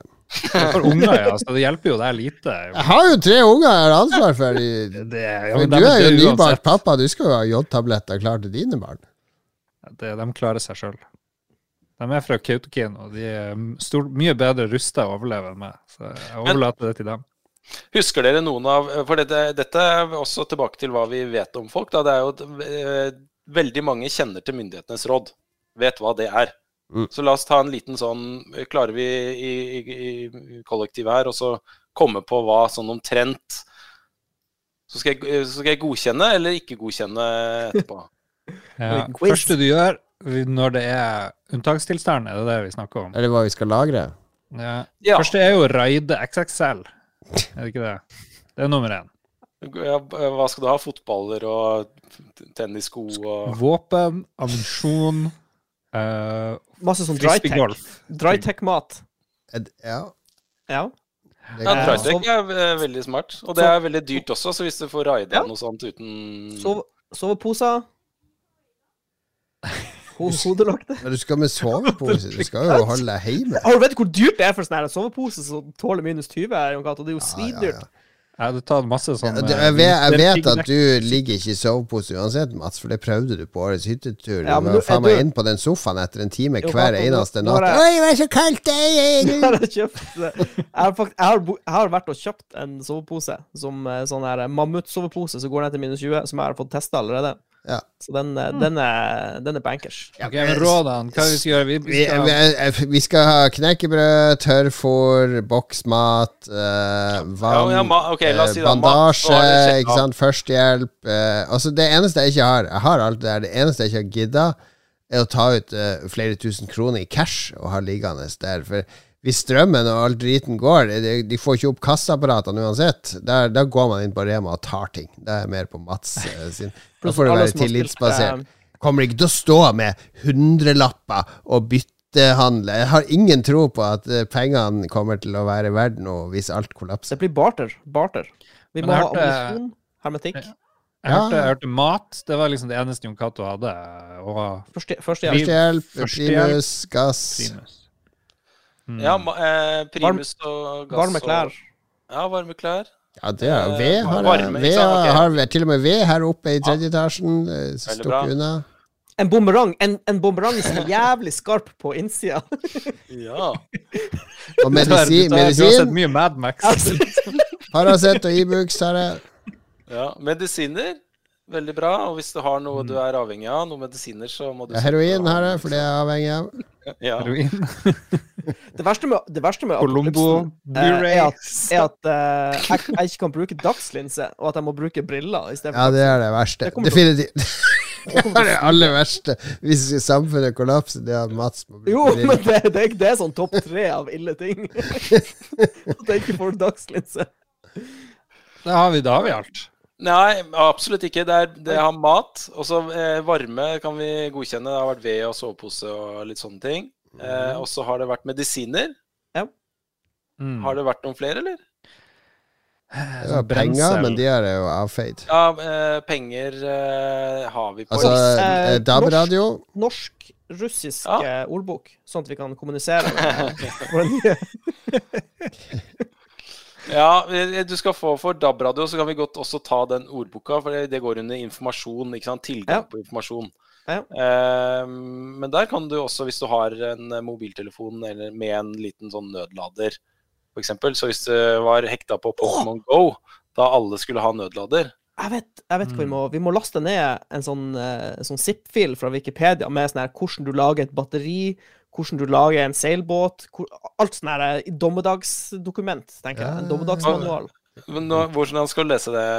Ja, men han printer ut på forhånd, setter i perm. Jeg må printe ut, ja. Jeg printer ut i fysisk format, tenker jeg. Fordi, ja. eller eventuelt så må du ha noe sånn solcellegreier som gjør at du kan lade opp noe elektronikk. Kan du ha. ja. Det er lurt. Ja. Absolutt. Tilgang på informasjon skal dere få for den. Men altså, hvis du ikke vil laste ned Wikipedia, da, så kan du også bare ha en mobiltelefon med nødlader for noen dager. Men Ja, er tilgang til informasjon, er det ikke eh, fort tilgang til desinformasjon hvis russerne har kommet og skrur på radioen og så bare 'Alt er bra, våre venner. Det er bare, bare gå på jobb. Alt normal. Ingen problem'. Ja, nei, det er, det er altså, kildekritikk, eh, Jon Cato. Det er veldig bra. Der er du inne på dette med falske nyheter og, og, og, og påvirkning. At man er trygg på at de nyhetene som kommer, er de eh, At man kan stole på det. Det er Veldig ja, godt poeng. Du skal få- her. Ja, veldig godt Det er poeng. vanskelig. Men det er, det er eh, rett og slett to kategorier som dere ikke har vært på. Den ene er helt avgjørende. Oi. Det er det absolutt viktigste, som vi vel har toucha inn på, men ikke akkurat inni her, som dere får godkjent. da. Eh, What? Tørka frukt. Mat. Ja, det er faktisk Den skal du få for. Det er hygiene. Åh. ja våtservietter har jeg. Våtservietter, håndsprit, Ja, ja, ja. eh, Smart. dopapir, det greiene der. Det, eh, hvis du ikke får eh, spylt ned i do, eh, så blir det ganske fort Og, og, og det blir dårlig Det går jo bare å slenge ræva over gjerdet til naboen, og så drite ned i hagen til naboen. Ja. ja, men da har du et annet problem, ikke sant, med tiltrekker deg eh, dyr. Ja, det er Så mat. har du det Det er mat.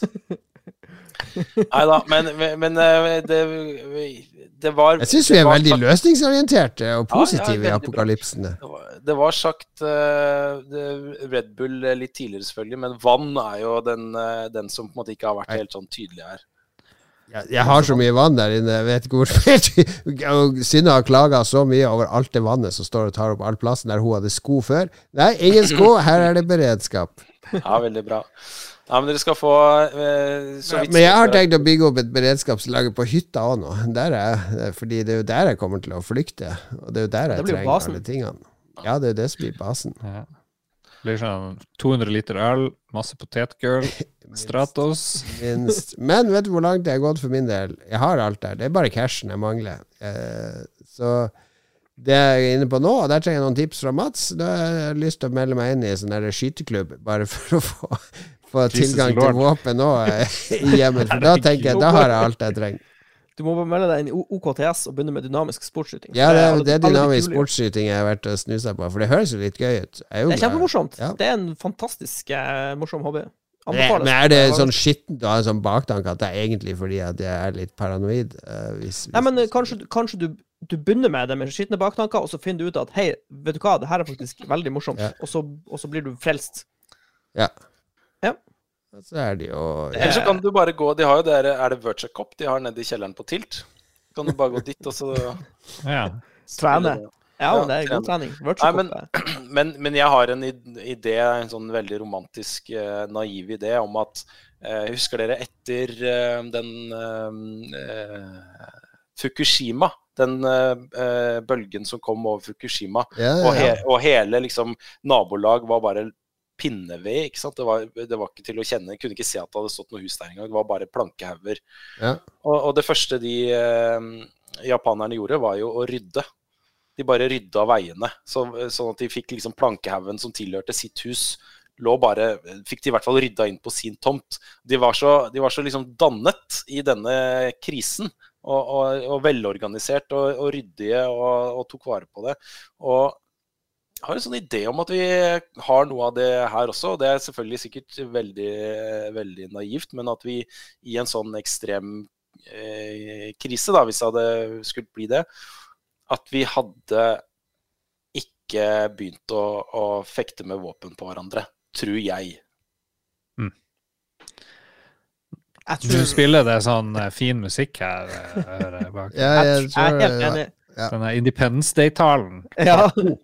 Den uh, moralen er på topp her, rett og slett.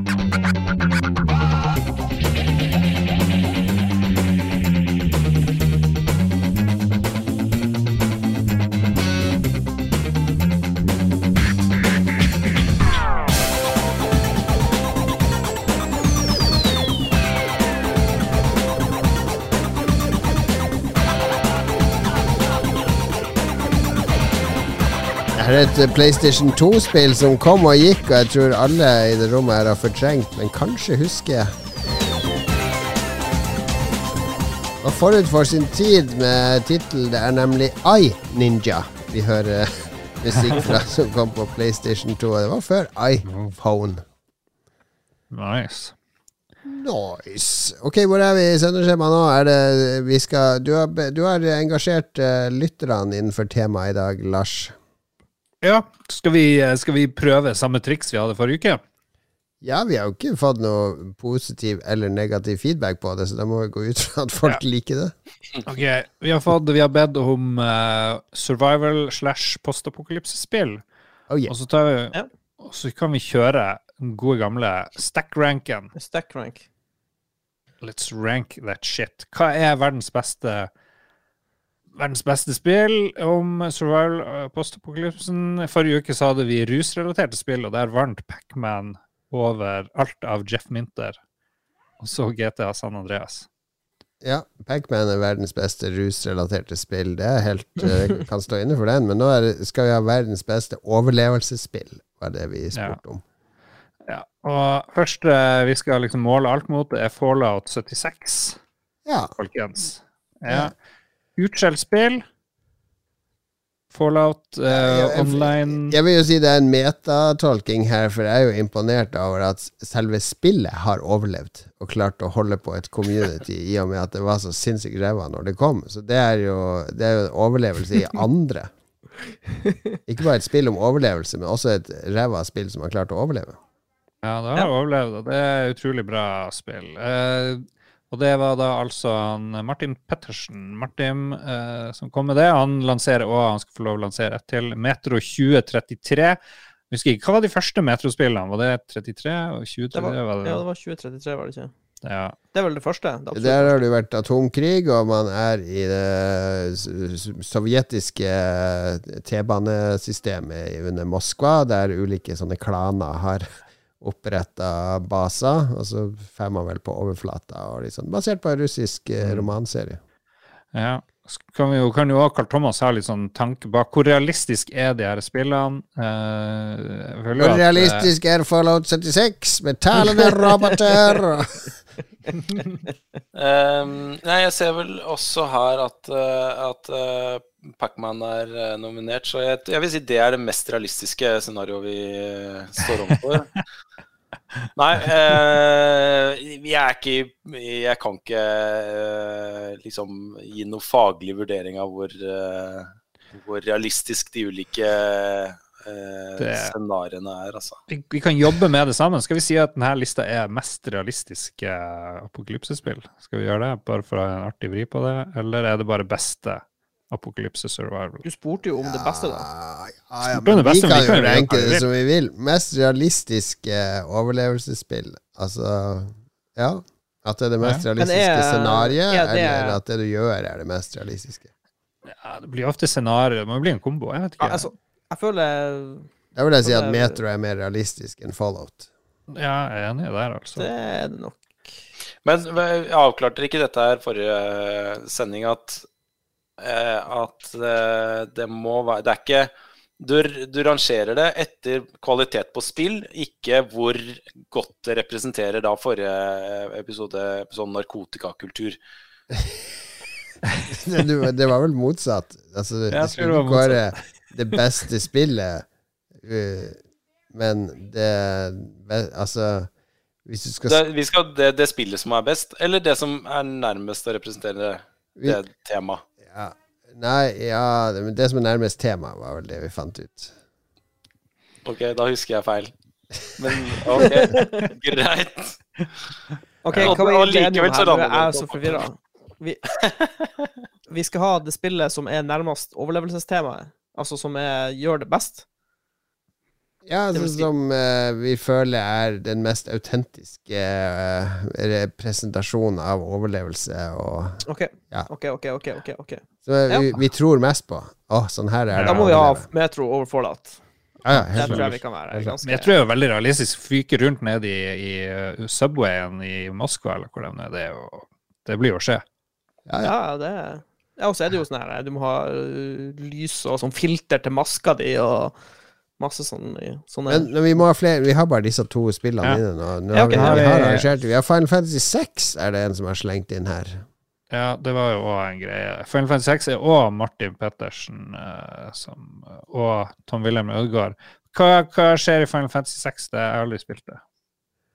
Eh, er det sånn steampunk-greier der det har vært en sånn war of the magi, så tror Jeg havner nederst. Eh, Så har vi Fallout New Vegas Metro Exodus. Noen som har spilt det? Nei. Fallout New eh, Vegas er ett spill, Metro Exodus er et annet spill. Å ja, faen, han skrev det Det liksom. Fallout New Vegas er veldig urealistisk, det kan jeg si. Jeg kommer ikke til å være sånn i en postapokalyptisk verden. Med sånn Cæsar-skikkelse. Nei, det er, det er morsomt. Romerriket oppstår i uh, New Vegas. Morsomt når jeg føler at det har lite med overlevelse Men å vi må, jo, vi, må jo ha, vi må jo opprettholde stack-ranken her, så jeg vil Ja. si at uh, Fallout New Vegas burde havne mellom eh, Metro og Fallout eh, 76. Sier du det? Ja, ok. Mm. Nei, men, ja. Godtar det. Og For some reason. Og det er Metro Exodus, det aner jeg ikke hva er. Det må være Det må være over Fallout 76, føler jeg. Og egentlig det New. Vegas. Hva det er for noe? Er det enda en Metro? Det er enda et metrospill. Ja, nettopp. Bortsett fra at du, du går ut av uh, Ja, du, du kjører tog er over halve Russland. Kjører Ja, stor jeg slenger det opp under 2033.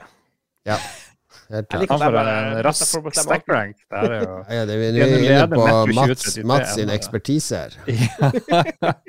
OK, nå blir det gøy, da. For Men det, det er mulig jeg blir påvirka av hvor bra spillet er også, må jeg bare advare om. Ja, skal vi se. Nå kommer faktisk Breath of the Wild inn som et sånn her eh, en liten Ja, se der. Jeg, hadde slengt inn to samtidig. Vi kan ta begge og diskutere samtidig. For de er veldig like. De kommer omtrent samtidig, også de to spillene. Breath of the Wild og Horizon Zero Dawn. Eh, og begge handler jo om to verdener som er i postapokalypsen. I Breath of the Wild er det 100 år siden en stor calamity. Eh, og, og samfunnet har bygd seg opp igjen, men det er jo ruiner og spor av det gamle samfunnet overalt. Det handler kanskje ikke så mye om overlevelse, fordi man klarer seg vel egentlig ganske greit, bortsett fra at det er en sånn der Ganon-tåke rundt uh, slottet der, og, og sånn. Så jeg, jeg føler det kanskje er litt utafor overlevelsessjangeren. Mens Horizon Zero Dawn er mer innafor, for der er det mennesker mot maskiner og i, i postapokalypsens verden. Så Det er litt sånn Terminator 2-aktig. Maskinene tok over. det er kanskje ikke helt, det- helt troverdig, hvis det er det vi skal lene oss på. Ja, men det- Nå tar jo, nå tar jo A-en over. Vi Ja. lar oss styre. Så jeg føler at det er mer realistisk enn Breath of the Wild og Final Fantasy Ja, 6. i hvert fall. Putt det opp der eh, rett under metroen. Rett under metroen, rett på en tredjeplass her, det må jeg si. Og Breath of the Wild må vel være rundt uh, Final Fantasy 6 uh, et eller Ja, annet sted. jeg tar rett over Final Fantasy 6. Ja, Sånn, ja. Final. Fantasy 6 på siste, Breath of the Wild, og så Fallout 76 og Vegas Ja, Nå kommer det Og nå driver man og havner med litt sånn zombier og sånn sykdom. Days Gone er jo en uh, Som biker relativt nytt. Ja. Har du spilt noe av det her, Karl Thomas? Du ble veldig stille. Eh, jeg har spilt noe Mye av det jeg ikke har spilt, men Metro Exodus eh, har jeg spilt. Det syns jeg var enestående, enestående bra. eh, og jeg likte veldig godt eh, eh, også selvfølgelig Brett of the Wild, men, men at det har så mye på akkurat denne listen å gjøre, det er jeg ikke Ja, fordi helt sikker på. Breath of the Wild handler jo om å utforske, ikke å overleve. Hvis du skulle overleve, så hadde du bare gått tilbake igjen til hula der du kom fra. ja. Ja, faktisk. Men Days Gone, er det noen som har spilt det? For jeg har ikke Jeg orka å spille det, jeg har ikke spilt det, så jeg vet ikke. En halvtime Days Gone. Det virker, Bortsett fra at det er masse zombier, og hvem skal Kan si at ikke det Kan kan skje? Jeg føler at det er faktisk mer realistisk enn Horizon Zero Dawn. Ja, Så at jeg, det jeg støtter det, deg, Lars. Jeg støtter, Helt jeg greit. støtter deg. Så har vi en, et artig innspill her, hvor vi får inn Dark Souls, som, som ja, Bjørn Bjelland sier altså. er postapokalyptisk gudeverden på sitt aller beste. Det er jo postapokalyptisk. Ja, det er, en, ikke det en postapokalypse der òg, faktisk. Ja. Eh, hvor realistisk jeg tror det nailer i hvert fall at det er eh, vanskelig å overleve eh, i Ja. noen settinger. You Ja. died. Og så eh, og så lærer du jo viktigheten av eh, å ha førstehjelp tilgjengelig. Nettopp. Estus Flasks, det er Estus. vannet han har lagra. Ja. Ja. Jeg syns det er mer bittert og realistisk enn Breath of the Wild, som er mye, veldig mer happy, liksom. Ja. Putt over Ja. Breath of the Wild. Skal vi se, da har vi kommet til. Trond Sinfor Borgersen. Det er jo Pac-Man? ja, Pac-Man handler jo kun om å overleve. Det er fire spøkelser Ja, som er prøver å drepe deg til enhver tid. Du må spise mat, uh, spise power pills, overleve lengst mulig. Bare putte på toppen Han med en så, gang. han har så høy forbrenning at du må spise hele tida. Vi kan ikke putte det på toppen. Jo, jo, ikke. skal det er å kjøre hjemme på toppen. Det er jo ikke realistisk i det hele tatt. Jeg føler Ja, det er jo et bilde. Altså, det trenger jo ikke å være Er du på den at spillet må være fotorealistisk? Det er jo et bilde. Det er en analogi, ikke sant? Det er en, Det er en abstraksjon. Det er som du Ja, ser okay, på. Munch-maleri eller Picasso eller noe sånt. Det trenger jo ikke å være fotorealistisk for å illustrere en en Ja, da må jo. Dark Souls mye lenger opp. Nei, det nå snakker vi om det visuelle representasjon her, og gameplay. Altså, Pac-Man er overlevelse destillert ned til hva er ren overlevelse. Eh, I spøkelsene kan symbolisere aids, atomkrig eh, med vannmangel, alt mulig, ikke sant? Dette er et kunstverk, rett og slett, om overlevelse. Så jeg, jeg, jeg, jeg vil sterkt argumentere for at det må på topp. Ja. Hva sier vår ekspert på postapokalypse og overlevelse, Carl Thomas Aarum? Jeg syns jo Cato har veldig mange gode poeng, selvfølgelig. At, at, at spøkelsen som heter uh, sult, kommer jagende etter deg til du finner et, eh, et kirsebær, ikke sant? Eh, og da kan du spise spøkelset som heter sult, eh, og jage det av gårde, inntil det kommer og jager deg på nytt. Eh, så, Ja. Sånn metaforisk sett så, så kan man selvfølgelig argumentere for Men det er kanskje fordelen med å være Pacman i disse stack rank eh, Jeg jeg aner et mønster. Jeg, tror- jeg, jeg tror, jeg tror Pacman kan gjøre det bra i denne spalten. Ja, jeg kan røpe at Tetris kommer også, så det, vi får se hva Ja. som eh, vinner. Ja vel, da får vi uh, Greit nok. Fuck, uh, fuck off.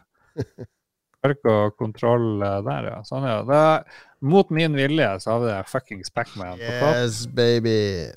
Eh, skal vi se Han eh, Marius Haug Skogiker han kjører inn masse mer Fallout. Ja, vi trenger jo ikke å sette fem. alle Fallout-spillene opp mot hverandre. De- tre og fire. de havner sammen med Fallout New Ja, Vegas. ja. Okay, Ok, ja. de.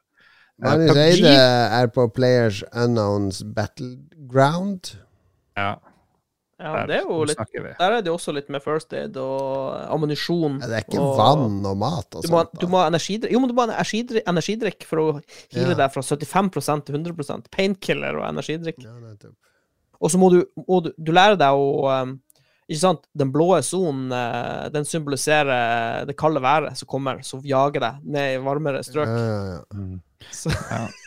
At så jeg du får lov å tenker, jeg tenker en, en eh, andreplass til PubG, rett under. Pacman. Ja. Ja, for det er jo sinnssykt mye felles med Pacman. ok, nå vil jeg an- argumentere sterkt for at følgende spill skal øverst. Anthem. Nei, det går ikke an. Det går Beste spillet i Det 2019. Det er jo masse roboter og teknologi, og det er jo Åh. ingenting apokalyptisk her, da. Fordi jo, de bor jo ikke på en planet som har gått under heller. Jeg skjønner ikke hva Anthem har inni det her å gjøre i det hele tatt. Det Anthem handler mye om, det er jo minner og, om tida som var. Og det vi kommer til å savne i eh, postapokalypsen, det er jo det som var. Og, og Nei, de, er, de tidene vi hadde. ta lenger ut på landet. Det spillet har jo ikke klart å overleve sjøl engang. Det er veldig bra med mods.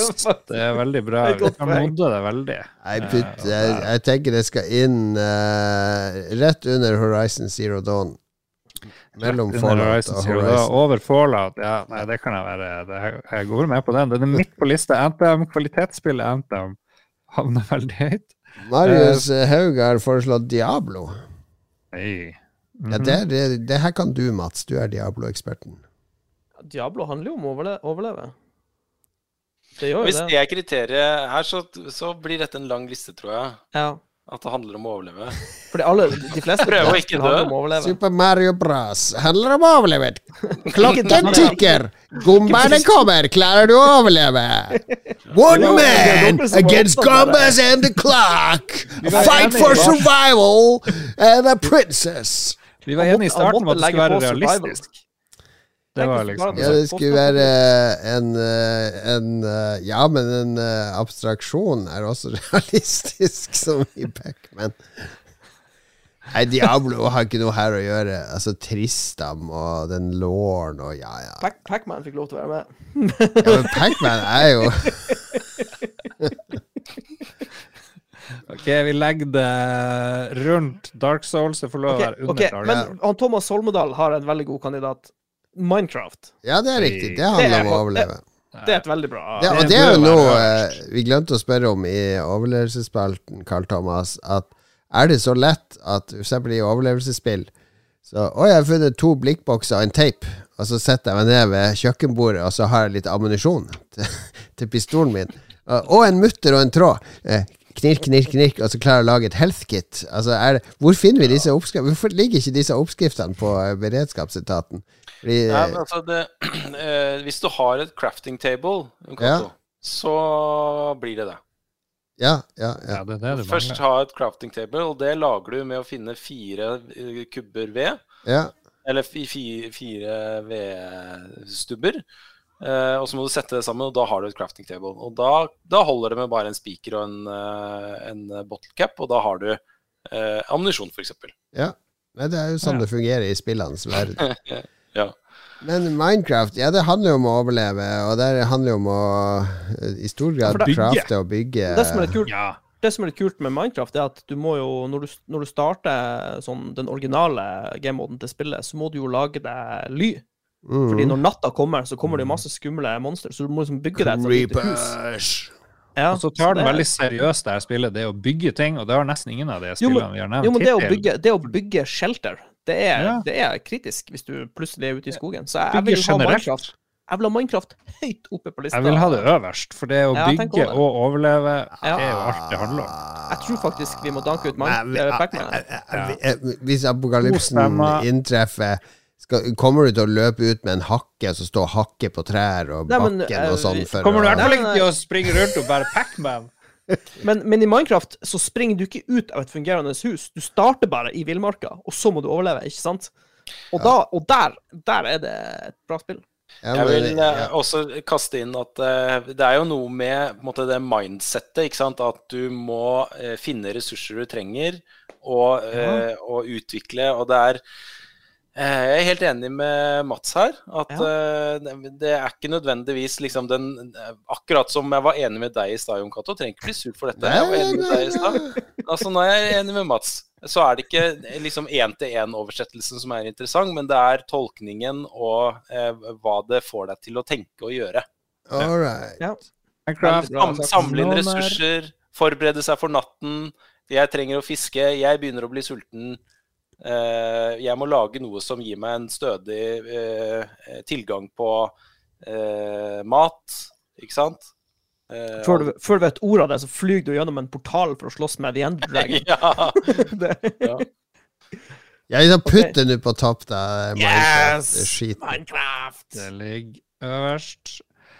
Han, eh, vår venn Christian Tjessem han spiller i en Tetris, og siden Pacman er på nummer to, så tenker jeg at Tetris bør jo være i hvert fall i topp fem her. Hva være sier du, Jon Cato? Nei, nå må det være grenser. Hvorfor er det grenser? Det handler jo om å overleve i sin pureste form, reagere fort. Du skal bygge ting. Du skal Du slå skal ikke bygge ting, du skal ødelegge ting. Du skal bare stable bygger ting sånn at de blir ødelagt. Ja, Men det er som alt her annet. Du er helt. Du elendig på analogier, Lars. Du kla- clutching at straws her. Nei, For å kunne ødelegge noe, så må du bygge det først.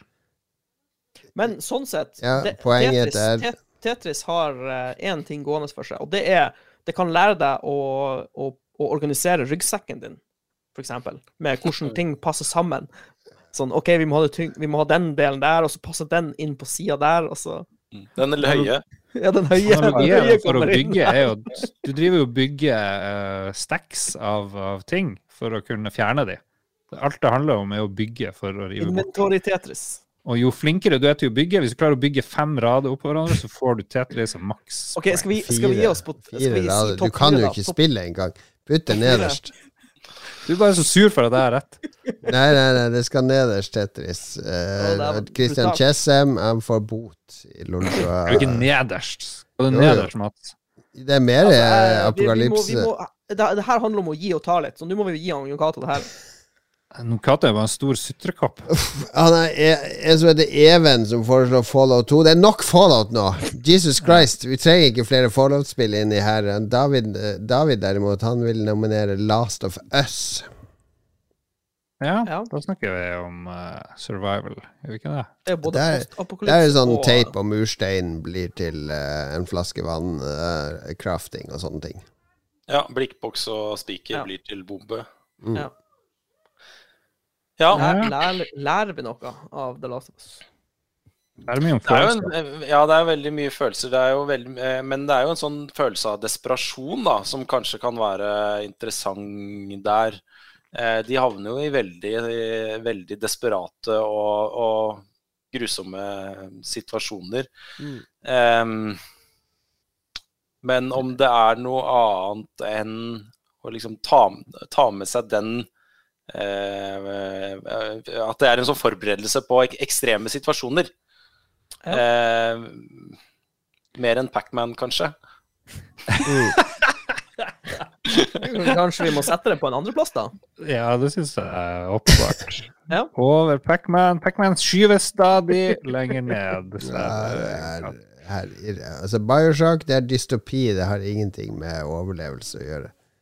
Nei, det går nederst. Helt klart. Under Final Fantasy 6. uh, I Am Alive fra Xbox 360. Stian Mæland, hva er det for noe? Jeg aner ikke hva det er for noe. Det var sånn parkour-greier. Hoppe på kran og sånn, var det ikke det? Jeg fant Céline Celine Dion, I'm Alive, official HD-video. Det går under Final Fantasy 6. Nest nederst. Ja, men jeg tror det, jeg tror det liksom var inne på noe, selv om jeg ikke husker eh, Jeg husker A lone spillet, men jeg husker ikke hvordan det in a believable, dark and insecure post-apocalyptic world. Ok, det høres litt kult ut. Hvor vi skal ha det spillet? Jeg tar det opp på førsteplass.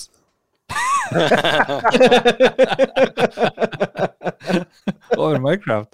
Nei, det må du skjerpe deg. Det, det høres ut som det går typisk under Metro 2033. Ja. Aldri hørt Det om det spillet. sort, litt sort-hvitt. Gears of War-serien, kom igjen, da! Det, Ja. er det på Men vi kan- ja. Vi kan ta med Interstate 76. Interstate Sett det nederst. 66 Gears skal vi ta med. Ja.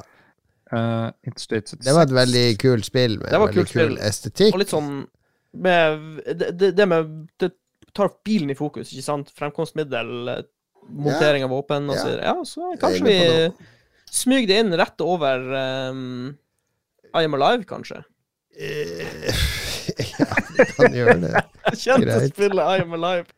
Altså, Tommy Isaksen, han har Dying Light 1 og 2. Det er jo også zombie førstepersons Uh. Jeg har bare spilt det første, men uh, Det, det kan gå sammen med Days Gone. Vi ja, litt samme. sammen. Litt samme Ja. ja. Ja. Kan jeg slenge inn noen curveballs her? Vi er, fordi vi har, nå har vi tatt eh, kommentarfeltet, har vi ikke det? Ja. Eller er det flere? Vi hadde Vi har fått inn han Dag Thomas eh, har Day Zero som en mod til armer. Ja, er det som som DayZ. Det, det, det er Z, basically. Ja. Ja. Mhm. Eh, men uh, Karl Thomas ville hive inn en curveball her. Ja. Det, Ja. Ja. jeg på. Jeg har jo noen uh, Jeg har noen på en liste her selv, selv som jeg ikke har uh, skrevet, eh, skrevet på Facebook. Men jeg vil slenge inn, og dette er en, en, en oddball, men jeg vil høre hva dere syns. Stardew Valley. Oh. Er det en oddball? Jeg, had, jeg, hadde Terraria på min liste. Ja. Ja, jeg liker, jeg liker men men Stardew det. Valley et eh, det, er, det er jo litt sånn The Farm, på en måte. Ja. Skal vi ha, ha med Harvest Moon, Animal Crossing og? Nå, Ja, ja, nå blir useriøst. Eh, Ideen, eh, eller grunnen til at jeg tenkte, er jo hele den derre Du må eh, planlegge, ikke sant. Du må planlegge for hva du, hvordan du skal eh, Hva må du plante i år for å tjene penger neste år? Eh, Men ja, jeg eh, nominerte selv at dette er en, det er en curveball her. Ja, jeg liker det. Det handler jo om fisking, og du må komme overens med helst eh, landsby, dem du er sammen med, og, Ja. og være Uansett hva, uansett ja. hva som blir foreslått fra lytterne eller Kartova, så ditt, ditt standardsvar er 'Jeg liker det! Jeg liker det! Jeg liker det!' Og Tetris! Jeg liker det! Jeg liker det! Noen, det er jo bra noen liker noe her. Skal vi, skal vi si at Pacman var best, eller? Nei, nei, nei. nei, nei. Hva, altså, ta nå og putt eh, Stardew Valley et sted. Nei, vet du hva, jeg har tenkt på det med Pacman, og jeg syns faktisk at det bør Nei da, det, jeg, vi- altså, Dag Thomas kommer med fasit her, for det er jo They Are Billions som er det beste Nei, jeg har, jeg har fasiten. Det er ingen som har nevnt det ennå. Ja, men vi må putte Stardew Valley et sted. Karl Thomas, du er gjest. Du kan få lov fritt velge hvor du eh, putter det. Um, uh, Må jeg bare finne lista her. Eh, Minecraft nei, øverst, Last of Us 2 nummer 2, Pacman nummer 3, PubG nummer 4 og Metro 2033. Jeg vil si uh, kanskje under, under Metro 2033. Ja, okay. Over Interstate 76. OK, men bare for ordens skyld så må vi ha Escape from Tarkov på lista. Mhm. For jeg har spilt Jeg har, spilt, jeg har brukt 3000 timer på det spillet de siste to årene. Ja. Og 3000 Jeg vil ha timer det- på to år, det er to årsverk, det. jeg vil ha det 1800 jeg timer er et årsverk, Mats. Du vet det. 2500 timer på okay, tre år, er eller noe sånt. ett og et halvt årsverk. Ja, på tre år. Ja. Ja, det må være såpass.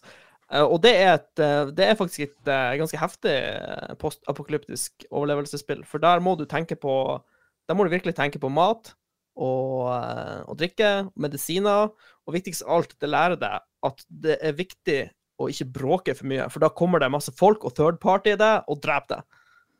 Så du, du, du lærer deg overlevelsesstrategi. Ja. Førsteplass er solgt. Førsteplass. Nei, nei, altså det, Minecraft er det ultimate overlevelsesspillet. Andreplass. Jeg tenker en solid andreplass. Over Last of Us. Ja, jeg er helt enig. Ja, men det er over Last of Us. Ja. Ja. Eh, Karl Thomas, flere curveballs? Eh, ja, det har jeg. Jeg har Plague Inc. Oh. Mobilspill for eh, ti år siden eller noe sånt. Som ble kjempestort igjen under pandemien. Og det er mobilspillet der hvor du er eh, bakterien eller viruset. Jo, du spiller forskjellige ting, men du kan være en bakterie f.eks. Og så må du tenke som en bakterie. Og du skal, jobben din er å mutere og infisere hele verden. Og utslette menneskeheten. Det er det du skal gjøre i det spillet. Overraskende gøy. Ja. Og eh, det fikk meg til å liksom tenke på hvordan en pandemi kan utvikle seg, og hvordan den spres, og hvordan det kan være fornuftig å prøve å begrense det. Jeg syns det er en, eh, også en eh, eh, Jeg syns det er et veldig bra spill som får deg til å tenke på eh, på dette, da. Mm. Ja. Jeg syns det er veldig godt innspill, Jon Cato. Eh, ja, jo da, det, men det er jo et spill Altså, det går ut på det motsatte av å overleve. Det går ut på å utslette alt. Jeg er helt enig, det går nederst. All right, skal vi si oss fornøyd? Les opp lista der fra bunn til topp, Lars. De beste eh, overlevelsesspillene. Ja, Nummer én, eller fra bunnen, skal vi Ja. se. Nummer Plague Inc. er det dårligste overlevelsesspillet hvilket nummer er det? finnes. Nå skal jeg telle.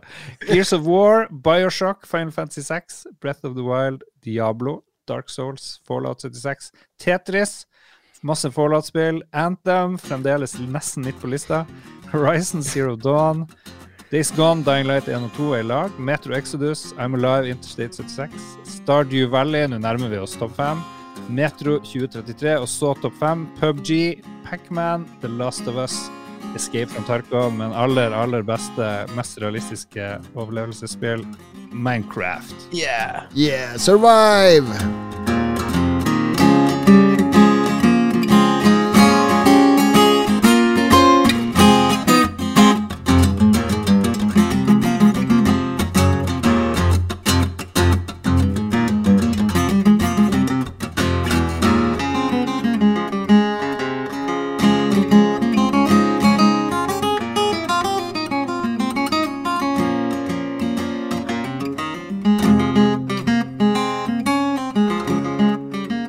Selvsagt musikk fra Final Fantasy 7 fra Square Enix sin trippel-CD med Final Fantasy sologitar special, der du kan høre 60 ulike låter fra Final Fantasy-serien spilt på akustisk gitar. Jesus Christ. Det fins ikke så Det, finnes, det er ingen spill, eh, soundtrack, som har så mange variasjonsutgivelser som Final Fantasy. Det fins kaféversjoner, chip-versjoner, rave-versjoner, korversjoner, pianoversjoner, gitarversjoner. Det, det er altså uh, Fins det blokkfløyteversjoner? Gar- Garra. Garra. Garra. Panfløyte. Helt sikkert. Hvis du, jeg er sikker på at hvis du går på Karl Johan om sommeren, så hører du Hører du uh, eh, klass... Ja, ja, ja. Fantastisk. All right, vi har siste spalte. Det er anbefalinger. Vi avslutter med en upbeat anbefaling. Eh, Vi anbefaler selvfølgelig alle å ha beredskapslager, Carl Thomas. Det sier seg sjøl. Det trenger vi ikke å anbefale her. Nei, det er veldig bra. Det er sånn generell uh, Lolbua mener, er det det? Ja, Lolbua approves this message. ja, bra. Vi Men, får eh, 10 av alle salg av beredskapsprodukter i Norge, så det er bare å kjøpe. Og da, den, den jeg er mest spent på her, det er Lars sitt, eh, sin anbefaling, så vi sparer den til slutt. For den, kan bli, den blir enten veldig bra eller veldig dårlig. 80 sjanse for at det er helt forferdelig dårlig anbefaling, men vi får se. Vi får se. Ja. Carl Thomas, du kan få lov å begynne. Ja, takk. Eh, jeg vil bare si eh, Jeg vil ikke nevne det siste, for jeg hadde et spill til til den eh, stack-ranken vi hadde sist, som er på en måte min fasit. Ah, Men jeg ville ja. ikke kaste det inn fordi jeg var redd for at Jon Cato kom til å bli altfor sint. Eh, men jeg klarer ikke å spare meg likevel. Men det som er min, mitt absolutt uh, min førsteplass på den listen, det er Death Stranding. Ah. Helt Nice. enestående. For Ah. at jeg spiller det nå, og det er seiler rett opp på min toppliste over Mm. mine favorittspill. Ja. Men jeg, eh, så jeg kan anbefale det. Vet du hva, vi putter det på topp. Lars, les fra bunn til topp igjen. ja. Nummer Nei, da, vi, ok, men det, det, det ble en ny vinner. En upset. Ja. That's Stranding. Hell yeah! Hell yeah. That's Stranding. La, eh, men eh, jeg har eh, to anbefalinger. Har akkurat sett Har dere hatt UXA-anbefalingen før? Eh, Thomas Seltzer Nei, ikke sesong to, men sesong én ble anbefalt i sin tid. Den har akkurat kommet. Eh, sesong to UXA. Mhm. Thomas Seltzer eh, reiser rundt i, eh, i USA, sitt eh, andre hjemland, eh, og besøker gamle venner. eh, og er, han er enestående god til å møte, møte folk og få dem til å snakke. Eh, og han møter eh, folk på liksom, hver sin ytterkant av det politiske spekteret og, og, og klarer å, å fortelle en historie om dem eh, som er veldig mye mer interessant enn at de er idioter som, som stemmer på det ene eller demonstrerer mot det andre. Som, som man ellers får veldig mye av. da. Det er nyansert, er det det du sier? Den er rett og slett nyansert. Og så er det idioter der også, men da har du et litt mer kvalifisert grunnlag på å forstå hvorfor folk er idioter. Mm. Og hvordan de har havna sånn, og hvordan liksom livet har eh, fått de til å eh, ha de meningene de har, eller stemme som de gjør. Eh, så kjempeinteressant. Ja, Den, um, den skal jeg se. ja, så det er den ene. Og så vil jeg også slenge, siden vi er en sånn beredskapsspesial, så er det en, eh, en serie nå som ligger på NRK nett-TV, den ligger der litt til, som heter 'Når krisa kjem'. Når krisa kjem, Ja. har du Eh, nok vann på lager? Når krisa kjem, nytter det ikke å handle vann i butikken. Ja. Nei, det er en svensk serie der ti eh, reality-deltakere tror at de skal være med på et nytt reality-konsept. Og så vet de ikke at det hele greia egentlig er et eksperiment. Eh, der hvor de deles i to ulike grupper. Og så noen havner i et moderne, minimalistisk luksushus. Eh, mens den andre gruppa havner på et gammelt eh, småbruk eller gårdsbruk. Og så, eh, eh, og så plutselig går strømmen. Begge steder. Ja. Og så følger vi de, liksom, hvordan forholder de seg til dette. Først så tror de ok, det, eh, hva, nå stopper produksjonen, ikke sant? For nå, nå er det noe gærent. Det blir jo strøm til filmkameraene og sånn. Ja. Ja. Eh, og så, eh, og så, finner, så skjønner du etter hvert at ok, dette er en del av eh, konseptet. Og så, og så følger det bare dem med, med ekspertkommentatorer fra vår uh, søstermyndighet i, i Sverige, da, som heter MSB. Em, som eh, er, er veldig realistisk og, og veldig interessant å se hvordan uh, de to forskjellige gruppene forholder seg til et sånt strømbrudd. Så den er, det er en veldig veldig fin uh, og realistisk uh, serie om eh, hvordan strøm, strømbrudd kan ramme oss. Kult. Jeg syns det var et veldig godt innspill, Jon Cato. Ja, jeg likte det. Likte det. Eh, jeg, kan ta, jeg fikk etterlyst min anbefaling, for jeg teasa jo det her for, eh, for eh, flere episoder siden. At jeg hadde begynt å teste ut et sånt nytt notatprogram. Altså skrive skrive kjappe notater. som krever en litt sånn annen måte å tenke på notater på. Fordi de fleste som tar notater, jeg, det har jeg gjort eh, Altså både meg og Carl Thomas og Lars eh, i mange år som journalister, så har vi jo hatt sånne små bøker eller blokker og vært, gjort intervjuer eller notert eller testa spill eh, på events og sittet og notert. Og så kommer man tilbake, så ser man gjennom notatene, så skal man skrive noe ut av det, osv. Men eh, når man eh, Det jeg har savna kanskje i de jobbene jeg har hatt når jeg har blitt mer sånn leder og skal holde i mange, mange forskjellige tråder, er at jeg hadde ofte hadde en notatbok eller en, eh, et dokument, og så skriver du opp alt i dokumentet. Så blir det sånn her eh, kronologisk nedover, nesten som en dagbok. Skriv litt eh, 'dette snakker vi om på det møtet', husk å følge opp dette. Eh, bla, bla, vær obs på dette, sjekk ut denne muligheten. Så alt blir bare sånn eh, enorm lang dokument der man egentlig aldri scroller opp for å sjekke hva skrev jeg for to uker siden, eller Det blir litt sånn det eh, der. ja, det, det, er, det er en sånn mangel på struktur i det. Så den, det den settelkasten-metoden gjør, er jo Det var en tysker som hadde et sånn kartoteksystem der han skrev alle alle sånne tanker og ideer skrev han på sånne små lapper og putta i det kartoteksystemet. Og så er det systemet at ting henger sammen. Så når det er Det programmet jeg har brukt, det heter da Obsidian. Det er at hver Du skal ikke ha sånne gigantisk lange notater, men du skal ha relativt korte. Ikke sant? Eh, Så et notat jeg har, det er det kan være agendaen til et møte. Det er et notat. Møte da og da, den og den agendaen. Og så er de agendapunktene er gjerne linka til andre notater. Som f.eks. for eksempel snakk om eh, nytt HR-system. Det HR-systemet er et annet notat. Der har jeg skrevet noen ting om det HR-systemet.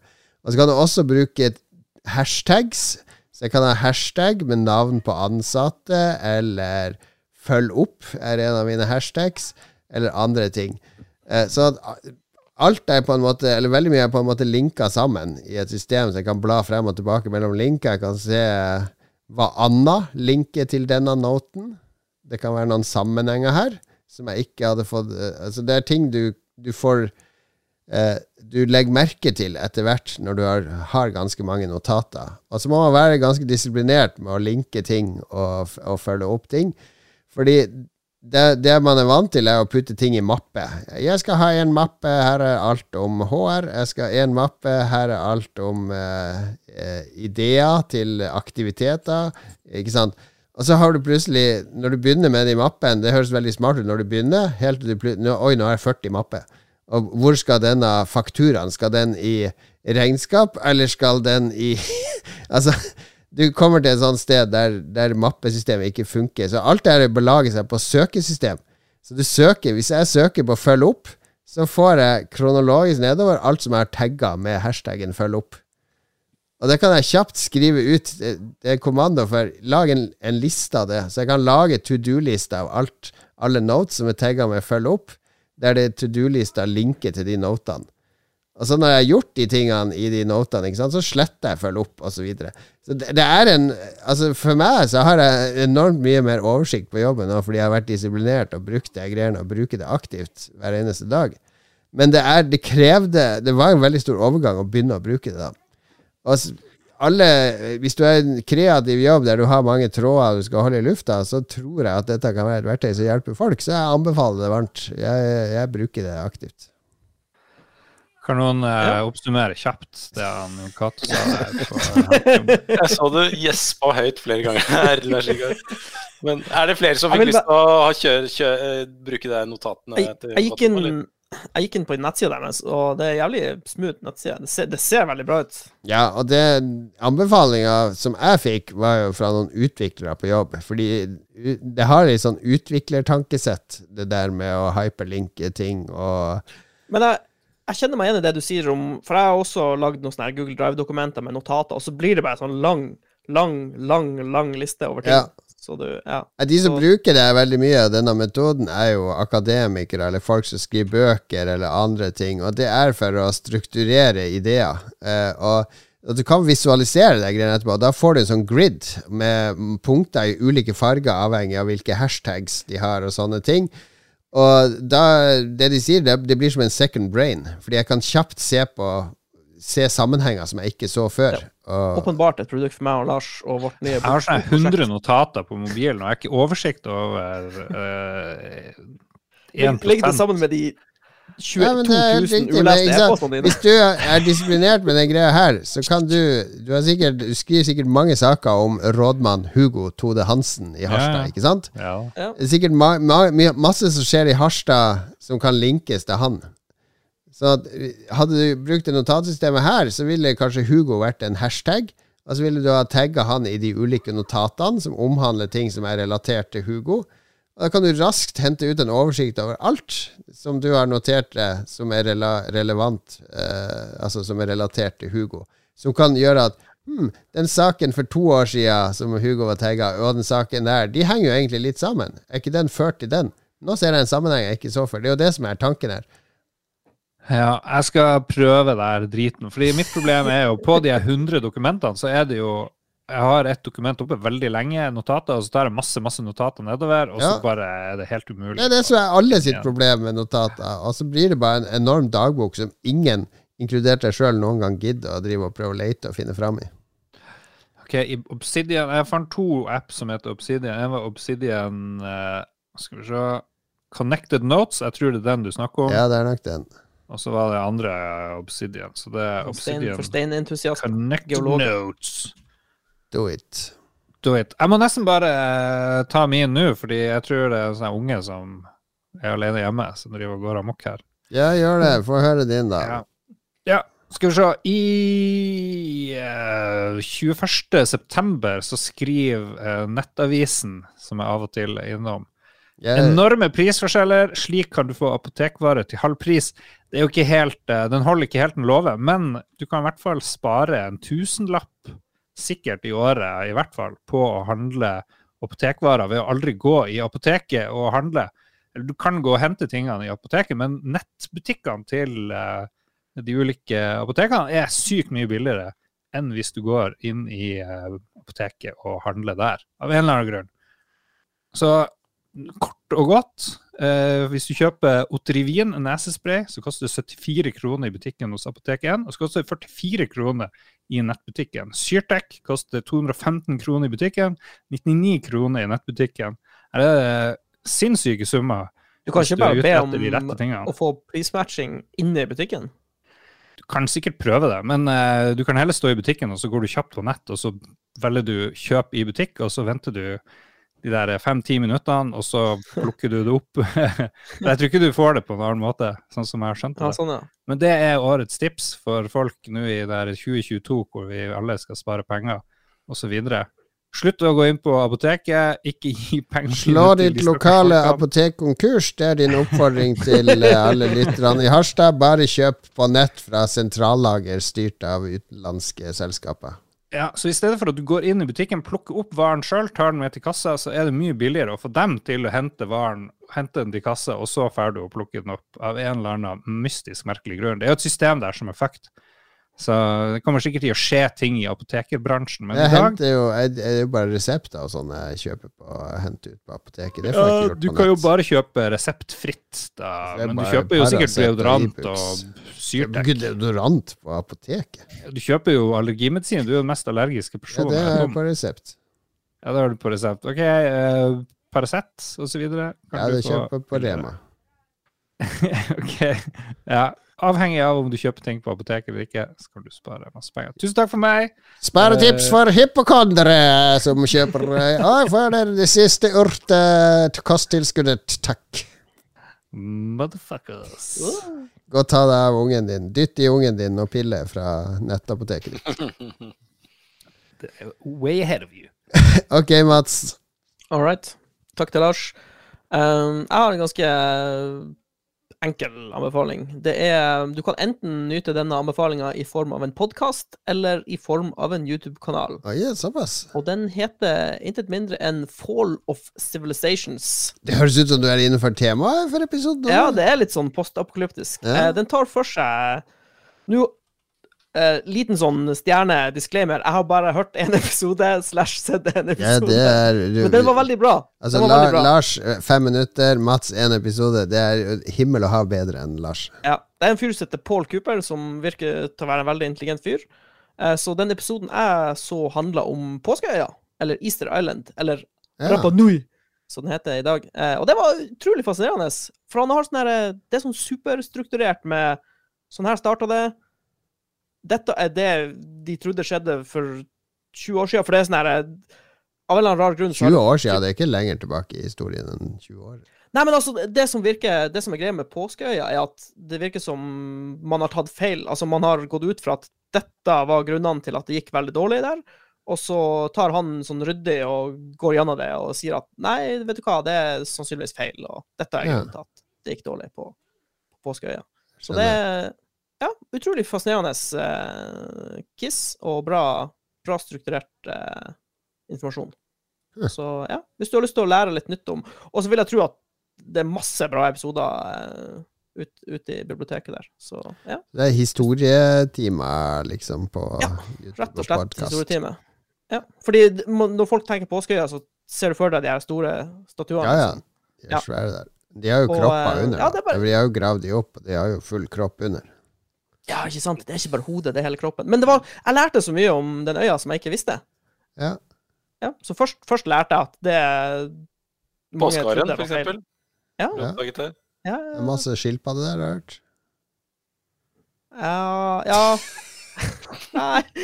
Det var en sånn skilpadderase som bodde der. Det er de som som ja. var oppe av The Teenage Mutant Ninja Turtles. De ah, ja, det var det. Det var, det var origin story Easter Island. Og Shredder kom også derfra. Shredder. Shredder. Ja. Nei, men uh, Fall of Civilizations, altså. Bra, bra uh, YouTube-kanal, bra podkast. Mye bra tips denne gangen. Uh, UXA og Når krisa kjem på NRK. Fall of Civilizations på YouTube eller podkast. Obsidian note-taking-app for det som vil prøve Settle-kasten-metoden. Og til slutt, bare kjøp masse drugs på nettapotek. Det er billigere enn på Rema og apoteket. Ha det.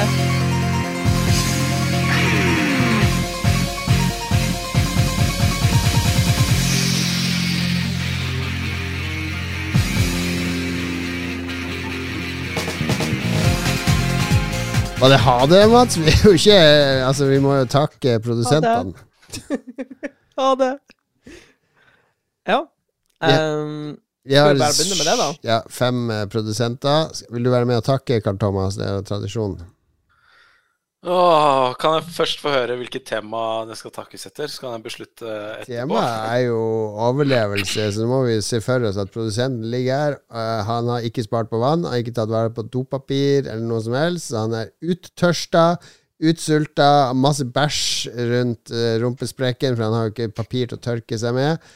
Eh, ikke spist varmmat, holder på å fryse i hjel. Han er døden nær. Vi kommer bort og skal eh, redde han. Og hvordan redder du eh, første Patrion-produsent, Mats? eh, her, TTMXMP, tar litt rent vann fra femlitersdunken min, som jeg har hatt stående hele denne tida. Riktig. Carl Thomas, det ligger, en- ligger en annen Patrion holdt på å dø der. Enda en. Ja. Eh, og det er Kenneth Kobrakar 84 her. Ta selvfølgelig, forsyn deg godt av mitt førstehjelpsskrin. Ta noen uh. Og uh, som jeg har kjøpt fra mitt lokale nettapotek. Duke Jarlsberg, for guds skyld, du har ennå ikke sluppet meg inn i Final Fantasy 14 Company. Jeg aner ikke hvordan jeg skal finne det, selv om jeg er på den dumme Ragnarok-serveren. Så jeg veit ikke om jeg vil dele min primus med deg, så du kan varme deg litt på, på flammen og få litt hermetikk. Jeg har uh, spagetti her på boks, men ok, du skal få det, men da må du love å slippe meg inn i Company når strømmen er tilbake. Se her, Bjørn Anders Ulsund. Jeg har vært på XXL og rida dem for eh, soveposer til 4000 kroner. Legg deg inn i denne mammutsoveposen så du tåler ned til minus 20 grader, og, og varm deg. Kos deg. Og til slutt, eh, alltid Magnus, kan ikke vi to dele denne flotte Flotte eh, lille pakken med våtservietter, eh, vas altså hvor vi vasker, kan vaske hendene våre eh, og passe på hygienen eh, sammen. Det var koselig. Du vet, Alltid Magnus er jo han som du skal redde i apokalypsen, Mats, fordi han er Ja. jo optiker, driver brillebutikk. Ja, han, kan sikkert, han har sikkert tusenvis av engangs uh, dagslinser han kan supplye deg med. Ok, det var det. Takk til produsentene. Takk til Lars. Terningkast Hva er Lars denne episoden, siden han ikke er her? En, en svak treer. Ja, Jeg gir han terningkast seks, jeg. Syns han har levert det veldig, veldig bra. det er bra. bra Han søker allerede om å være med i en fremtidig episode. Jeg vil si eh, sterk firer, fordi han var stort sett til stede og lite på telefon. Han hadde noen gode bidrag, Ja, og han har stålkontroll på stack rank og har sendt ut lite bidrag. Så eh, sterk firer til deg denne gangen, Lars. Firer, seks og treer, det, det kan du leve med. Og takk til deg som lytter. Kjære lytter, du er selvfølgelig i terningkast seks. Ha det!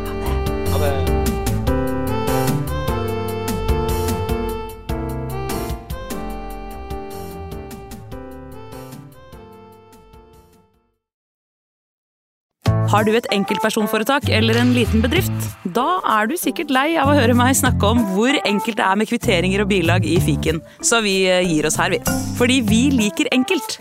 Fiken superenkelt regnskap.